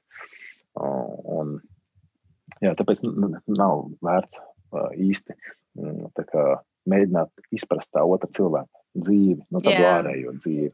Pietiek ar to, ka, ka tu sajūti vienkārši, ka caur viņu kaut kas plūst tāds, kas atsaucās tevis paša sirdī. Nu, tu jūti to, ka mm -hmm. tā mhm. ir tā patiesība. Nu, nekas vairāk. Jā, līdz ar to, līdz ar to nevien, ne, nevienam nevajadzētu interesēties par, teiksim, par mācītāja personīgo dzīvi. Taisnība. Nu, nu, nu, neinteresanti. Pilnīgi pietiek ar to veidu, pilnīgi pietiek ar to patiesību, kuru viņš izsaka. Un tālāk jau tas ir tikai cilvēki, vai nu tas cilvēks atsaucās vai nē. Tāpēc ir tik labi, ka ir dažādi veidi, dažādi cilvēki, dažādas reliģijas, dažādi mm, termini, dažādi simboli. Mhm. Viens uztver tos simbolus, viens tos, viens to vārdu, otrs to. Vienam tāda kultūra vairāk patīk, otram tāda. Beigās jau viss ir par vienu, viss ir par šo sajūtu, ko mēs varam atrast jebkurā no pasaules kontinentiem, jebkurā no mhm. pasaules kultūrām, reliģijām. Ja tu esi atradis un tev ir atsaucies, tad tas ir tavs. Pie tā arī turies, un tas tev būs tāda pamata un līdzsvaru dzīvē. Mm -hmm. Gribēju te pajautāt, tu meditē? Jā, mm -hmm. Jā tā, tā ir neatņemama uh, tāda dzīves praksa. Ja pati dzīve ir viena liela meditācija, tad, kad tu kas ir tas klusums, par ko es runāju. Nu, jā. tas ir, tā ir meditācija, ka tu ļauj, ļauj sev vienkārši būt, mm, nereaģē pats uz tām domām, kas ienāk tavā prātā. Jo, ja arī es apsēžos tādā klusumā, mierā, arī caur mani plūst visādas domas. Un ir ļoti viegli noticēt katrai no tām domām un pieķerties un, un aizpildīt ar to domu kaut kur. Mm -hmm. Tas nozīmē, ka tu, piemēram, sēdi mājās vai jebkurā vietā citā, bet savās domās tu esi kaut kur citur. Esi piefiksējis, tā ir. Protams, nu, visu laiku. Brauc, jā, brauc ar auto, piemēram, un tad pēkšņi piefiksēji, ka tu jau esi nobraukusi divus kvartālus, nemaz nesaproti, wow, pa kuru laiku es nobraucu divus kvartālus. Jo galvā tu aizpildēji kaut kur tai domai līdzi, mm -hmm. idejai, atmiņai kaut kādai, kaut kas bija noticis darbā, un tu vēl izspēlē to scenāriju, kas noticis vakar, aizvakar, pagājušajā gadā, bērnībā, vienalga. Vai tu atkal aizsapņojies par to, kur tu gribētu nokļūt, kā tu tagad satiksies ar draugu un ko tu viņam teiksi. Tu jau esot šajā dzīves situācijā, konkrētajā īstajā mirklī, vienīgajā īstajā mirklī, mūžības mirklī, tu tomēr izkrīti no viņa ārā, jo tu aizpildi līdzi savām domām. Tad tā meditācija ir tā, ka tu atgriezies katru reizi šeit un tagad. Katru reizi atgriezies īstajā, vienīgajā patiesības mirklī. Nevis savā atmiņās, emocijās, domās par mm -hmm. dzīvi, bet vienīgajā patiesībā, kurā nav doma. Ir tikai šis mirklis. Lūk, tad, tad, kad cilvēks ir kļuvis, nokļuvis līdz šai esības saknei, līdz šim -hmm. avotam, tad visa dzīve vienā brīdī kļūst par meditāciju. Ja, ja tu visu laiku esi apzināts, visu laiku esi šeit un tagad, un pat ja kaut kādā brīdī tevi tu izslīdi ārā no viņa, tu atkal uzreiz atgriezies. Tas ir kā treniņš. Ar meditāciju mēs to trenējamies. No sākuma ar baigo piespiešanos, no sākuma nereāli nesanāk. No sākuma domas bombardē. Visu laiku uzmācās dažāds haoss, pilnīgs galvā mm. notiek. Vakardiena, rītdiena sajūta kopā, tu vairs nesaproti, kas no tā ir īsts un kas tikai izdomāts, kas ir fantāzija, kas ir ilūzija un kas ir patiesība un realitāte. Kas ir reāli tas, kas šobrīd notiek. Un, jā, un tas ir tāds treniņš no sākuma grūti. No sākuma tu pat nevari noskatīties uz vienu lietu. Ja, ja tu, piemēram, nezinu, sveci vērosi vai tur savu elpu, mm. tu, tu tā apzināti, tā, es klausos tagad savu elpu. Un pēkšņi paiet 5 minūtes, saprotu, tu jau vairs sen neklausies savu elpu, bet jau domā kaut ko citu. Tieši tā. Jā, tu jau domā kaut ko citu. Un tā meditācija visu laiku atgriezties šeit un tagad. Un mm -hmm. tāpēc varbūt ar laiku nemaz nav nekas īpašs jādara, bet vienkārši jābūt šeit un tagad. Visu laiku jāatgriežas šajā momentā. Tā ir tāda nepārtraukta uzmanības virzīšana uz sevi mm -hmm. un uz to, mhm. kas notiek šobrīd. Jā, tā, ir, tā ir meditācija, un es šajā stāvoklī esmu. Mm -hmm. uh, nu, var teikt, visu laiku. Jā, tas ir, nu, tas ir superīgi. Um, es vienkārši domāju, um, daudz cilvēku, kā, kas arī nodarbojas ar meditāciju, tad viņi izsakās, ka, lai atgrieztos pie tā šeit un tagad, visu laiku domā par elpošanu. Jā, tā kā tu saki, jā, viņi palīdz tev atgriezt, jā, viņi tev palīdz atgriezt, tāpēc, ka uh, elpa reāli ir vienīgais, kas šobrīd notiek. Mm -hmm. Tā ir mhm. dzīve, kas plūst caur tevi, tā ir dzīves enerģija, kas plūst caur tevi. Uh, un tas tev palīdz visu laiku apzināties sevi, savu esību šeit. Mm -hmm. Jo, kā jau teicu, domas mūs aizvilina projām no šeit un tagad. Un elpa, viņa, jā, tas ir viens no, viens no veidiem, viens no instrumentiem. Tikpat labi ir, var vērot savas rokas, savas kājas, mēģināt izjust savu ķermeni, ne tikai elpu. Uh, otrs moments, jā, var, var vērot kādu objektu mm -hmm. telpā. Uz jebko tu vari skatīties jūrā un meditēt. Galvenais, ja tu skaties jūrā, tad arī virzi savu uzmanību uz jūru un nevis skaties jūrā, bet domā par darbu vai mizo kartupeļus un domā par uh, diskotēku. Mm -hmm, ja mizo mm -hmm. kartupeļus, tad mizo kartupeļus un domā par kartupeļiem. Sajūti, kāds tas kartupeļs ir, sajūti mm -hmm. nāzi rokā, sajūti, kā tu to mizu griez. Un tā ir meditācija reāli. Tāpēc meditēt var neobligāti elpu klausoties, bet meditēt var darot jebko, kam tu tajā brīdī pievērsi nepastarpinātu uzmanību. Tātad traukus mazgā, mazgā traukus un domā par traukiem. Mm -hmm ēd, domā par to, kā tu to ēdienu ēd, kā tu viņu sagremo, kā tu yeah. dakšu virzi to ēdienu uz muti. Jā, tas ir, tā ir meditācija. Visa dzīve, visas tavas darbības kļūst par meditatīvām, ja tu viņām pievērs uzmanību apzināti. Mm. Interesanti, ka tu to saki, jo tagad es tieši runāju par kartupeļu mizošanu. Ļoti labs piemērs. Jo es, man liekas, nu, Varbūt vakarā arī mizēju kartupeļus. Nu, vienalga, katrā ziņā, tad, kad es taisu ēst, esmu piefiksējis to, ka uh, man tieši tā kā ir iekšējais, tā kā varbūt nu, ne bailes, es nezinu, bailes domāt un dzirdēt sevi. Un tagad es esmu tāds, ah, es negribu, negribu dzirdēt, ko, ko es domāšu, bet es labāk uzslēdzu tur mūziku vai es uzslēdzu kādu citu podkāstu un nepārtraukti novirzu to savu to iekšējo mieru, to domāšanu kaut kur citur. Un es nezinu, vai tev tā jebkad ir bijis, vai, uh, bet es zinu to, ka um, kādreiz pārnājot arī ar saviem draugiem, tad daudz tā kā, zini, tā kā tu pat gribi izvairīties no tā. Ne jau tas, ka kaut kas nezinu, slikts noticis vai kas, bet ir vieglāk darīt kaut ko un dzirdēt kaut ko citu nekā sevi. Ja? Protams, protams, tāpēc ka mums ir grūti tikt galā ar to domu haosu un to juciku, mm -hmm. kas notiek. Jo, ja mēs pa dzīvi mēs esam sakrājuši tik daudz atmiņas, mm. tik daudz zināšanas, tik daudz pieredzes un, un tik daudz viedokļus, kas mūsos ir, tik daudz argumentus, tik daudz priekšstatus, salīdzināšanas, vērtējumus par dzīvi, par cilvēkiem. Mums ir tik daudz paziņu, par kuriem mēs katru mirkli domājam. Te mēs par mammu padomājam, te mēs par draugu padomājam, te mēs par Trumpu padomājam, te mēs padomājam par politiķiem savā valstī, te mēs padomājam par sportistu, te mēs padomājam kurā brīdī, mēs padomājam par sevi pašu, ir, -hmm. grūti, ir grūti izlausties cauri savām domām, lai nokļūtu pie patiesās sevis. Un tas, ko es ieteiktu, tomēr nemēģināt novērst uzmanību mm. ar mūziku. Es zinu, par ko tu runā, jo Uh, es sen vairs neklausos mūziku tieši šī iemesla dēļ, tāpēc ka viņa novērš uzmanību no mm -hmm. savām domām. Es gribu tieši saprast, kas notiek manā prātā. Es tieši gribu piefiksēt katru to domu, kas ienāk manā prātā, bet neķerties viņai klāt. Pavērot, man pat ir forša praksa paskatīties gubu mākoņus vasarā. Mm. Liela pūkaina mākoņa. Skaties, kā viņa maina formu. Vienā brīdī viņš ir krokodils, nākamajā brīdī viņš ir uh, uh, zilonis, nākamajā yeah. brīdī viņš izšķīst un pazūd, un nāk jauna forma, nāk valis. Tas pats ir mūsu domām. Viņas tur maina formas, viņas nāk un iet, bet pasties, cik viņas ir nepastāvīgas. Kaut, domām, kaut kas ir aiz tām domām, kas ir īsts. Mm -hmm. ja, un īsta ir uh, tieši tā ne bezdomu uztvers, bezdomu uztvere, nepastarpināta dzīves uztvere, realitātes uztvere, bez domām.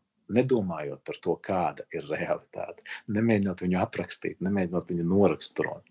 Mm. Uh, bet, lai to izdarītu, ir tomēr visu laiku jābūt klusumā. Televizors, mūzika, jebkas cits mūs izmet ārā no šīs uh, realitātes. Jo Jo mūzika mūs ievilina tajā mūzikā. Mēs sākam klausīties tajos vārdos, mēs sākam klausīties tajā mūzikas harmonijā. Un tā tas ir. Mēs laiku esam aizņemti, mēs laiku aizpildām savu galvu ar papildus trokšņiem. Tie visi ir mhm. dzīves tikai tādi trokšņi. Mums vajadzētu tieši attīrīties no visiem trokšņiem, tieši kļūt klusiem un sadzirdēt patieso sevi.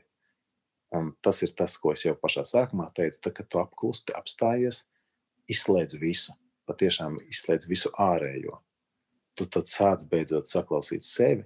Un kas ir vēl labāk, tu sāc saprast, ka arī tās pašas domas ir tieši tādi paši trokšņi, kā tā mūzika un viss tālākais. Bet kas ir tas, tas ko tu iegūsi, atsakoties no savām domām? Ka tā dzīves, tas spēks un tā enerģija, un tas viedums un zināšanas un, un impulsi, idejas ieplūdīs tevī, un tu pēkšņi sadzirdēsi dzīvi, mm -hmm. reālo. Un tā dzīve tad jau sāks tevi vadīt un teikt tev, ko tev darīt, kur tev iet, kā runāt. Mm -hmm. Un kas ir interesanti, tā dzīve ir mīlestība. Tu tālāk sapratīsi, ka viss, ko tu dari, visas savas darbības, visi tavi vārdi, visas tavas domas kļūst par mīlestību. Un mm -hmm. Pazudīs jau kādas negācijas, jau kādas satraukumi, jau kādas bailes par dzīvi, par sevi. Būs tikai tīra mīlestība. Dzīve ir tikai mīlestība, lai kāda viņa būtu. Un Kāda? tas ir tā, tā skaista atziņa. Jā, mēs daudz runājam, kas, mēs, saka, mēs runājam šobrīd par dzīvi. Tev kaut kas jāpieregulē? Nē, man, man liekas, mikrofons izslēdzās. Jā, pēkšņi kaut kas tāds nomainījās. Es tevi gan ļoti labi dzirdu, bet man tāds, hmm, varbūt tev tās austiņas nomira, ja? vai ne? Jā, jā. Okay, okay. tagad, man, tagad mani dzirdi. Es tevi dzirdu ļoti labi. Man ka tas ir Tas ir caur telefonu, tagad tev mikrofonu, caur austiņām vairs. Tad tu mani nedzirdēsi, jo austiņas nomira. Lai gan es biju ah, okay. uzlādējis viņas, bet tik ilgi viņas neizturēja. jā, jau mēs jau runājam, gan, jā. Nu, palēnām tā kā varam iet uz uh, nobeigumu, bet uh, vienkārši tīri tā man pašai radās jautājums tieši tev, ka tu, mēs daudz šobrīd runājam par dzīvi un, un to, to dzīves mīlestību un jēgu. Tu tici arī tam, ka ir, nezinu, kaut kāds turpinājums, ka dzīve beidzas? Tas ir nāve nāve un dzīve vienlaicīgi šobrīd pastāv. Līdzīgi kā doma un mhm. bezdoma vienlaicīgi ir. Telpa un forma vienlaicīgi pastāv. Tāpat arī dzīve un nāve. Dzīve ir forma, nāve ir bezforma. Un mēs vienkārši vienā brīdī no formas pārtopam par bezformu, pēc tam atkal par formu un par mm -hmm. bezformu. tas ir cikls, tāds ir doma forma. Un, un mēs paši esam tikai doma par sevi pašu. Un vienā brīdī tā doma pagaist. Mēs varam to uzskatīt arī par miegu un nomodu. Mm -hmm. Good. Jā.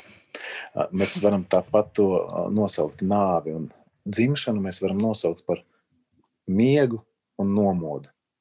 Katru mm. nakti mēs nomirstam, Katru rītu mēs piedzimstam. Katru brīdi piedzimst doma par sevi, mm -hmm. un nākamajā brīdī tā doma par sevi nomirst. Un, uh, dzīve ir tieši tas, un arī mūsu pašu esība ir tieši tāda. Mēs vienā brīdī esam, nākamajā brīdī formiski neesam. Mm -hmm. Bet tas nenozīmē, ka mēs neesam. mm. ja, jo visam apakšā ir mūžīgi nepārtraukta esība tā dzīve plūst visu laiku kā upe. Plūst un plūst, viņi ir visu laiku. Un viņā parādās visādi tur šķēršļi pa laikam, dažādi krasti, tur stāvāki, lēzenāki, zari kaut kādi, akmeņi. Viss kaut kas tur, bet upe turpina plūst. Un viss. un tā, ir, tā ir dzīves esība, nepārtraukta plūsma, kurā mēs vienu brīdi mums ir dot iespēju mm -hmm. manifestēties, tādu izpausties šādā fiziskā formā. Nākamajā brīdī mēs vienkārši esam bez formas apziņa. Tāpēc ir vērtīgi apklust un palūkot, kas ir, kas ir sevi mm, ārpus tās formas. Vai, vai, vai mēs esam tikai šis ķermenis, vai mēs esam tikai šis prāts, vai mēs esam tikai šīs, šīs ārējas mūsu priekšstats par sevi pašu. Un kas ir tā mūžīgā paliekošā vērtība, kas mm. ir visu laiku. Tāpēc, ja tu man jautā par to, kas notiek pēc mums, pēc, pēc dzīves, mm -hmm. pēc nāves, nekas nemainās. Pilnīgi nekas. Ir viss vis tieši tāpat. Tikai yeah. ar vai bez mums, bez šīs formas. Bet apziņa viņa visu laiku ir mūžīga, paliekoša, bezgalīga, mm -hmm. neierobežota apziņa. Vienkārši tas, kas ir. Jā, tad tā kā tie, kas jau aiziet, tad es pieņemu, ka tu domā, ka viņi savā tajā esībā atnāk atpakaļ tikai citā formā. formā tikai jā. citā formā, jā. Tikai mm. vienā brīdī ir dzimusi doma par sevi šādu, mm. nākamajā brīdī dzims doma par sevi citādu. Un, ah. un tā mēs vienkārši vienā brīdī paši izdomājam, kādi mēs gribam būt. Un tad tu piedzimsti nākamajā dzīvē. Tu esi tāds, kā tu pats esi vēlējies, izdomājis sev to to scenāriju kaut kādu mm -hmm. dzīvē, un tu tur dzīvojies. Un, uh, tur tā kā nav, nav tādas uh, mistikas nekādas. mm. Kā cilvēki to visu kaut kā asociē ar kaut ko tādu mistisku. Tur ir paradīzes vārtiem ar eļļu. Jā, jā, jā. Vai, vai nezinu, ar ko vēl. Tēlā paradīze un tādā garā. Tas, tas arī pastāv. Cilvēka prātā, ja tas pastāv, tad tas mm. pastāv. Tad, tad cilvēks savā prātā ir izdomājis, ka rēle, iespējams, ka viņš ir ēlē, iespējams, ka viņa dzīve ir jau ēlē. Yeah. Un, un ja, ja mana dzīve ir paradīze šeit, tagad, tad es esmu paradīzē. Un es arī nonākšu paradīzē. Nu, kā, kur tu jau šobrīd esi? Jo pasties cilvēkiem dzīvēm jau šobrīd, nu, šajā, es, šajā formā, kurā viņi šobrīd ir, viņiem jau dzīve ir vai nu elle vai paradīze. Mm. Un mēs dzīvojam vienā pasaulē, vienā laikā un telpā. Bet viens mokās un deg elles mokās. Un, un viņa dzīve tiešām ir šausmīgs, tāds kaujas lauks visu laiku, agresīvs, negācija pilns. Mm -hmm. Un otrs dzīvo turpat, tikai viņš dzīvo kā paradīzē. Yeah ir, nu, šobrīd mēs to jau redzam līdz ar to. Un arī šobrīd vienam viņa apziņu ir pārņēmis ego, jeb sātans. Sauksim mm -hmm. viņu tā, vienalga, kā mēs varam saukt. Vēlns vai tur. Kā viņus tur Jots parāvis. jā, jā, jā. un, un otru dzīvi ir pārņēmis, pār, pār, pārņēmis eņģelis un jā. pārņēmis dievs. Mm. Un atkal tu esi šajā jau esībā. Tur, kur tu šobrīd esi, tur tu esi. Tātad vai nu Elē, vai paradīzē.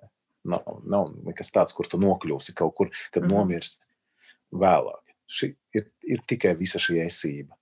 Un mēs tikai esam tāda formiska, um, īslaicīga īslaicīga izpausme.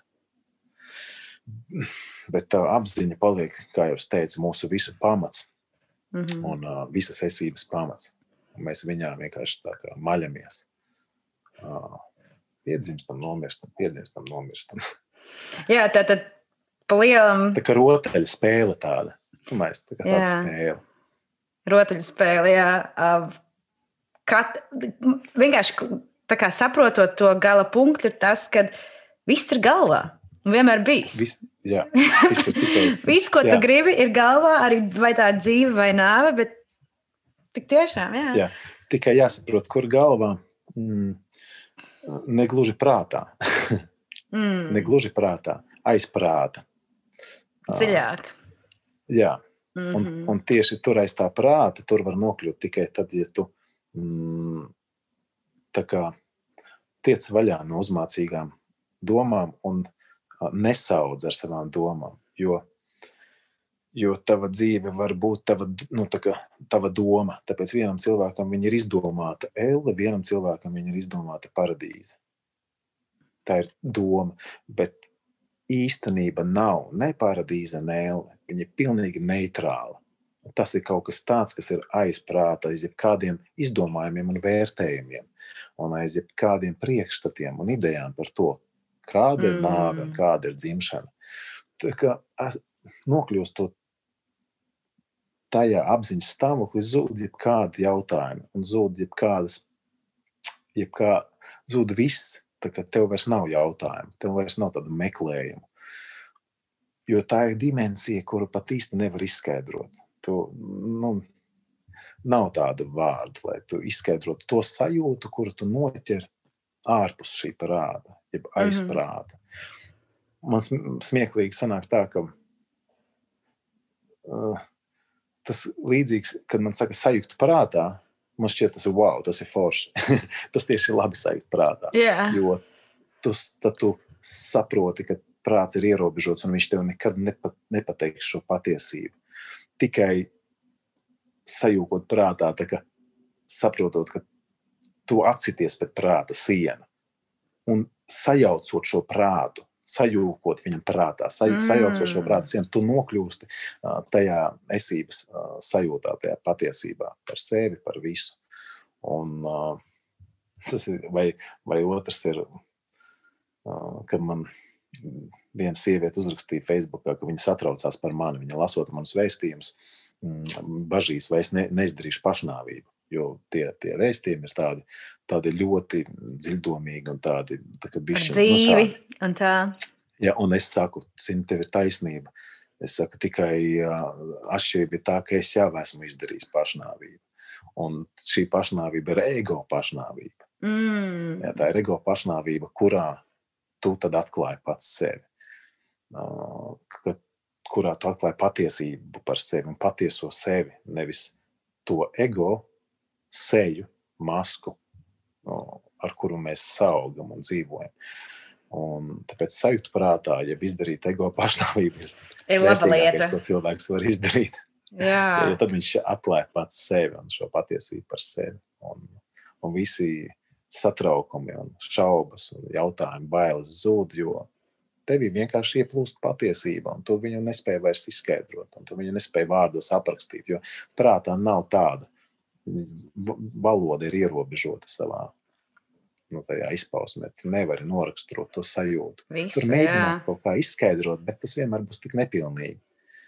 Jā, tāpēc, tāpēc aiz vārdiem, aiz domām, tur tas viss ir. Tas mm. ir kā lasīt grāmatu un nepieķerties burtiem, nepieķerties gramatikas kļūdām kaut kādām. Mm. Ja tu lasi grāmatu, tu lasi, tu mēģini sajust par ko tā grāmata ir. Tu mēģini sajust to, to sajūtu tajā grāmatā. Nevis lasīt un visu laiku piedomāt, ah, šeit komatam bija jābūt. Šeit garumzīmē bija jābūt. Yeah. Šis, šis teikums ir mm, jocīgi uzrakstīts, stilistiski. Un tā mēs dzīvojam. Daudz cilvēku dzīvo arī šo dzīvi, tikai visu laiku redzot šo formisko mm, dzīves puse. Mm -hmm. Nevis to sajūtu, kas ir starp burtiem, aiz burtiem. Tas ir tieši prāts, tas ir aizprāta, starp prāta tām domām, ir tās šķirbiņas mazās, tā, tā esība, tas klusums.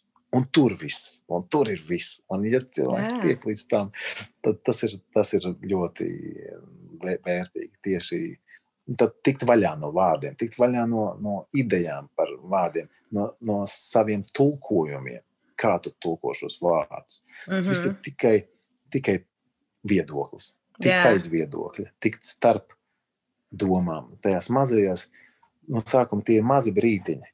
Pēc tam viņi pāraug par lielu telpu un klusumu brīdi tavā dzīvē, un tava dzīve vienkārši kļūst par to.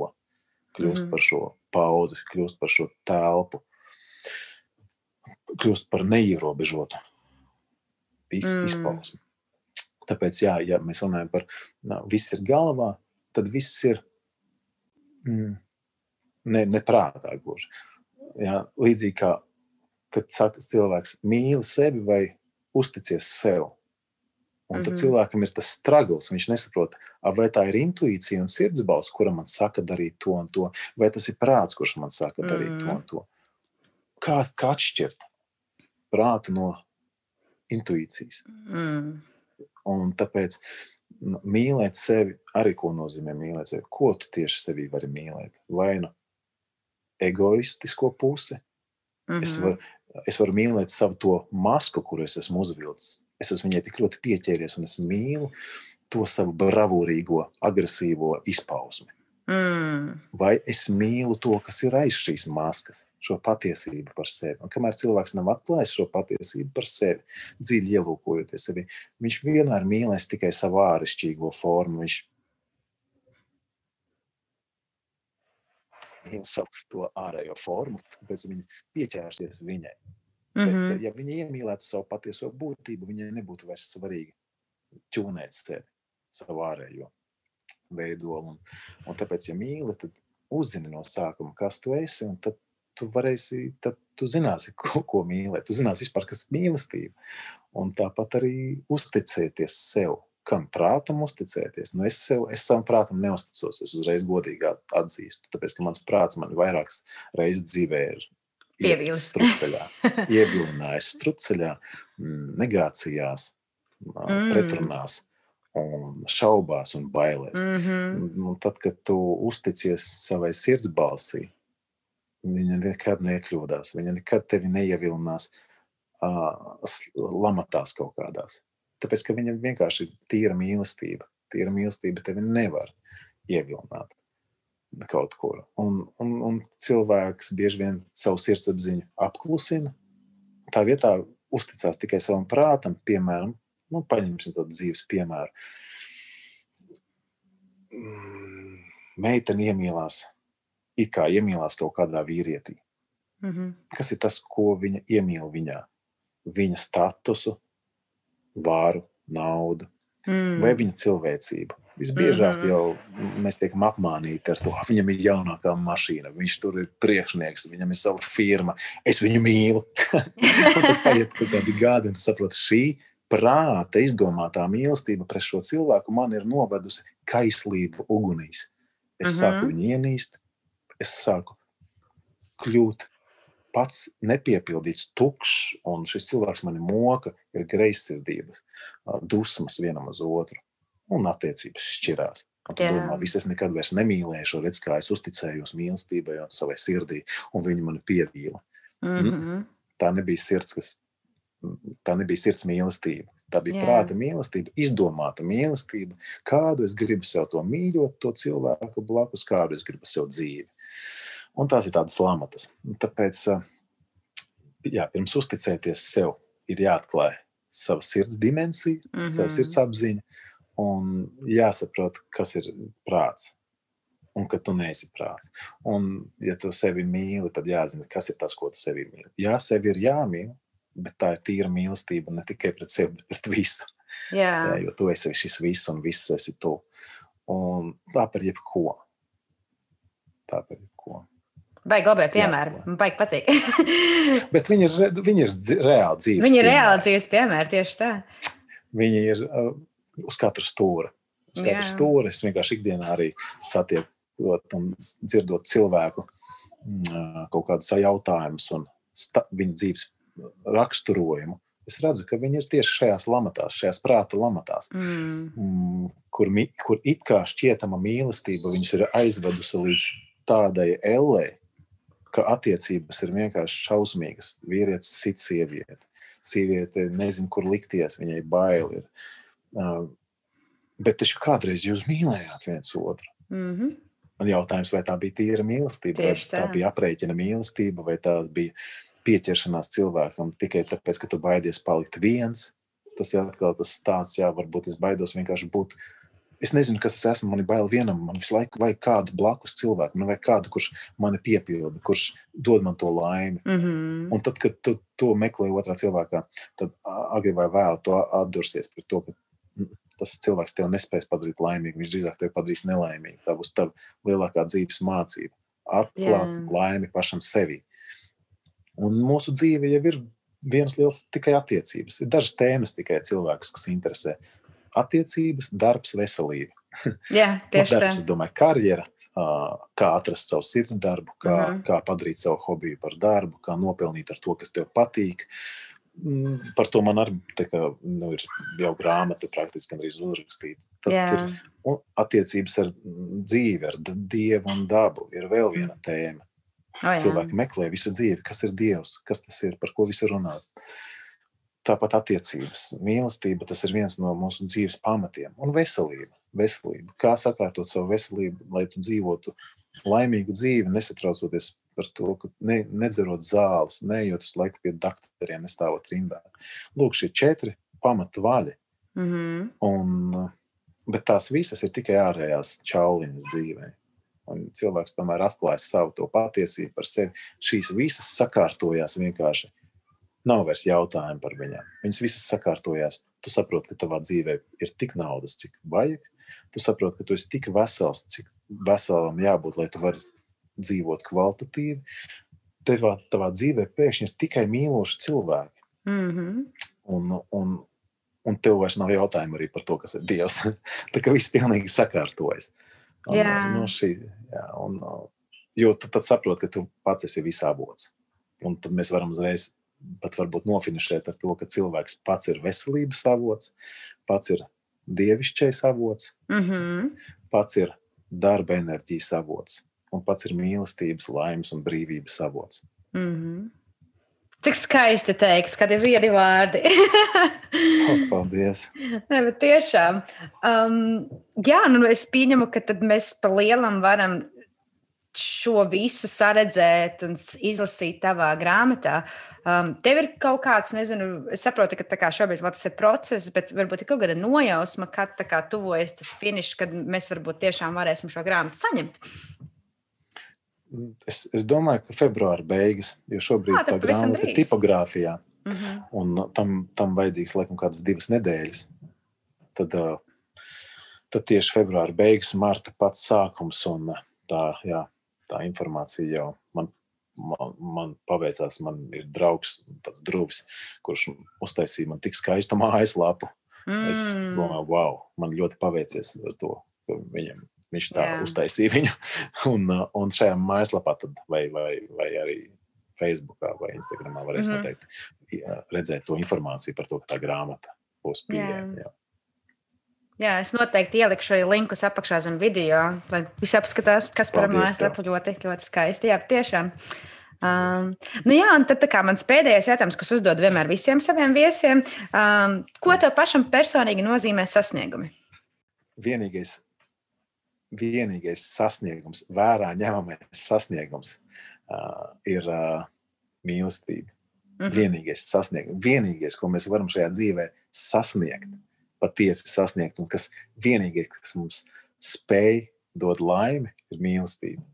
Lai cik tas banāli neizklausītos, bet mēs jau tik daudz runājām par to, kas tad ir tā īstā mīlestība. Mm -hmm un kā atšķirt mīlestību, kas rodas prātā, un kā atšķirt mīlestību, kas rodas sirdī, kas ir tā vispārējā mīlestība. Un tā, tā, tās ir vienīgais sasniegums un vienā, vienīgais mērķis, kuru mēs varētu sev dzīvē noteikt, ir, ja, ja tu man jautā, pēc kā tu gribētu tiekties dzīvē, vienīgais, pēc kā es tiecos, ir mīlestība. Vienīgais ir šī, šī dievišķā apziņa, gaisma, pēc kuru es uzskatu par vienīgo savu mērķi. Mm. Un tad es to novēlu ar cilvēkiem. Jā, super. Lielas, liels tev paldies, kas par tiešām. Uh, tu man izslēdzies ārā. Upsi, kas pēc nedaudz priekšlaicīgi izslēdzās ārā. Um, viņam nomira telefons. Oh, well, bet tas nekas. Viņš jums saka paldies un čau! Un Signims arī saka paldies un čau! Bet uh, liels, liels, liels, liels paldies, Kaspar, par šo brīnišķīgo sarunu. Ļoti iedvesmojoša, ļoti enerģetiski bagāta saruna. Um, Es pat par lielam šobrīd jūtos kā esmu nonācis kaut kādā citā dimensijā, kad esmu uzņēmis tik daudz laba informācijas un enerģijas. Tad uh, pacelāta, viegla sajūta. Uh, tā kā jā, liels, liels tev paldies par to. Paldies, ka tu esi, ka tu dalies, ka tu runā par to. Un es jau nevaru sagaidīt tavu grāmatu. Tā kā jā, noteikti apskatieties lejā, descriptionā. Uh, jūs varat atrast linkus uz uh, kas par um, sociālajiem mēdījiem vai mājaslapu. Mājaslapa brīnišķīga, noteikti apskatieties, un tur jūs arī vairāk redzēsiet informāciju, kur tad grāmatiņu varēs nopirkt. Um, jā, tā kā can't wait. Uh, tā kā tā, bet noteikti uz tikšanos un uz vēl vienu sarunu, jo mēs tevi tik vienkārši negribam palaist, jo šī saruna bija tik brīnišķīga. Un noteikti, noteikti vēl vēl, vēl vajag sarunāties. Tā kā jā, cheers, čau!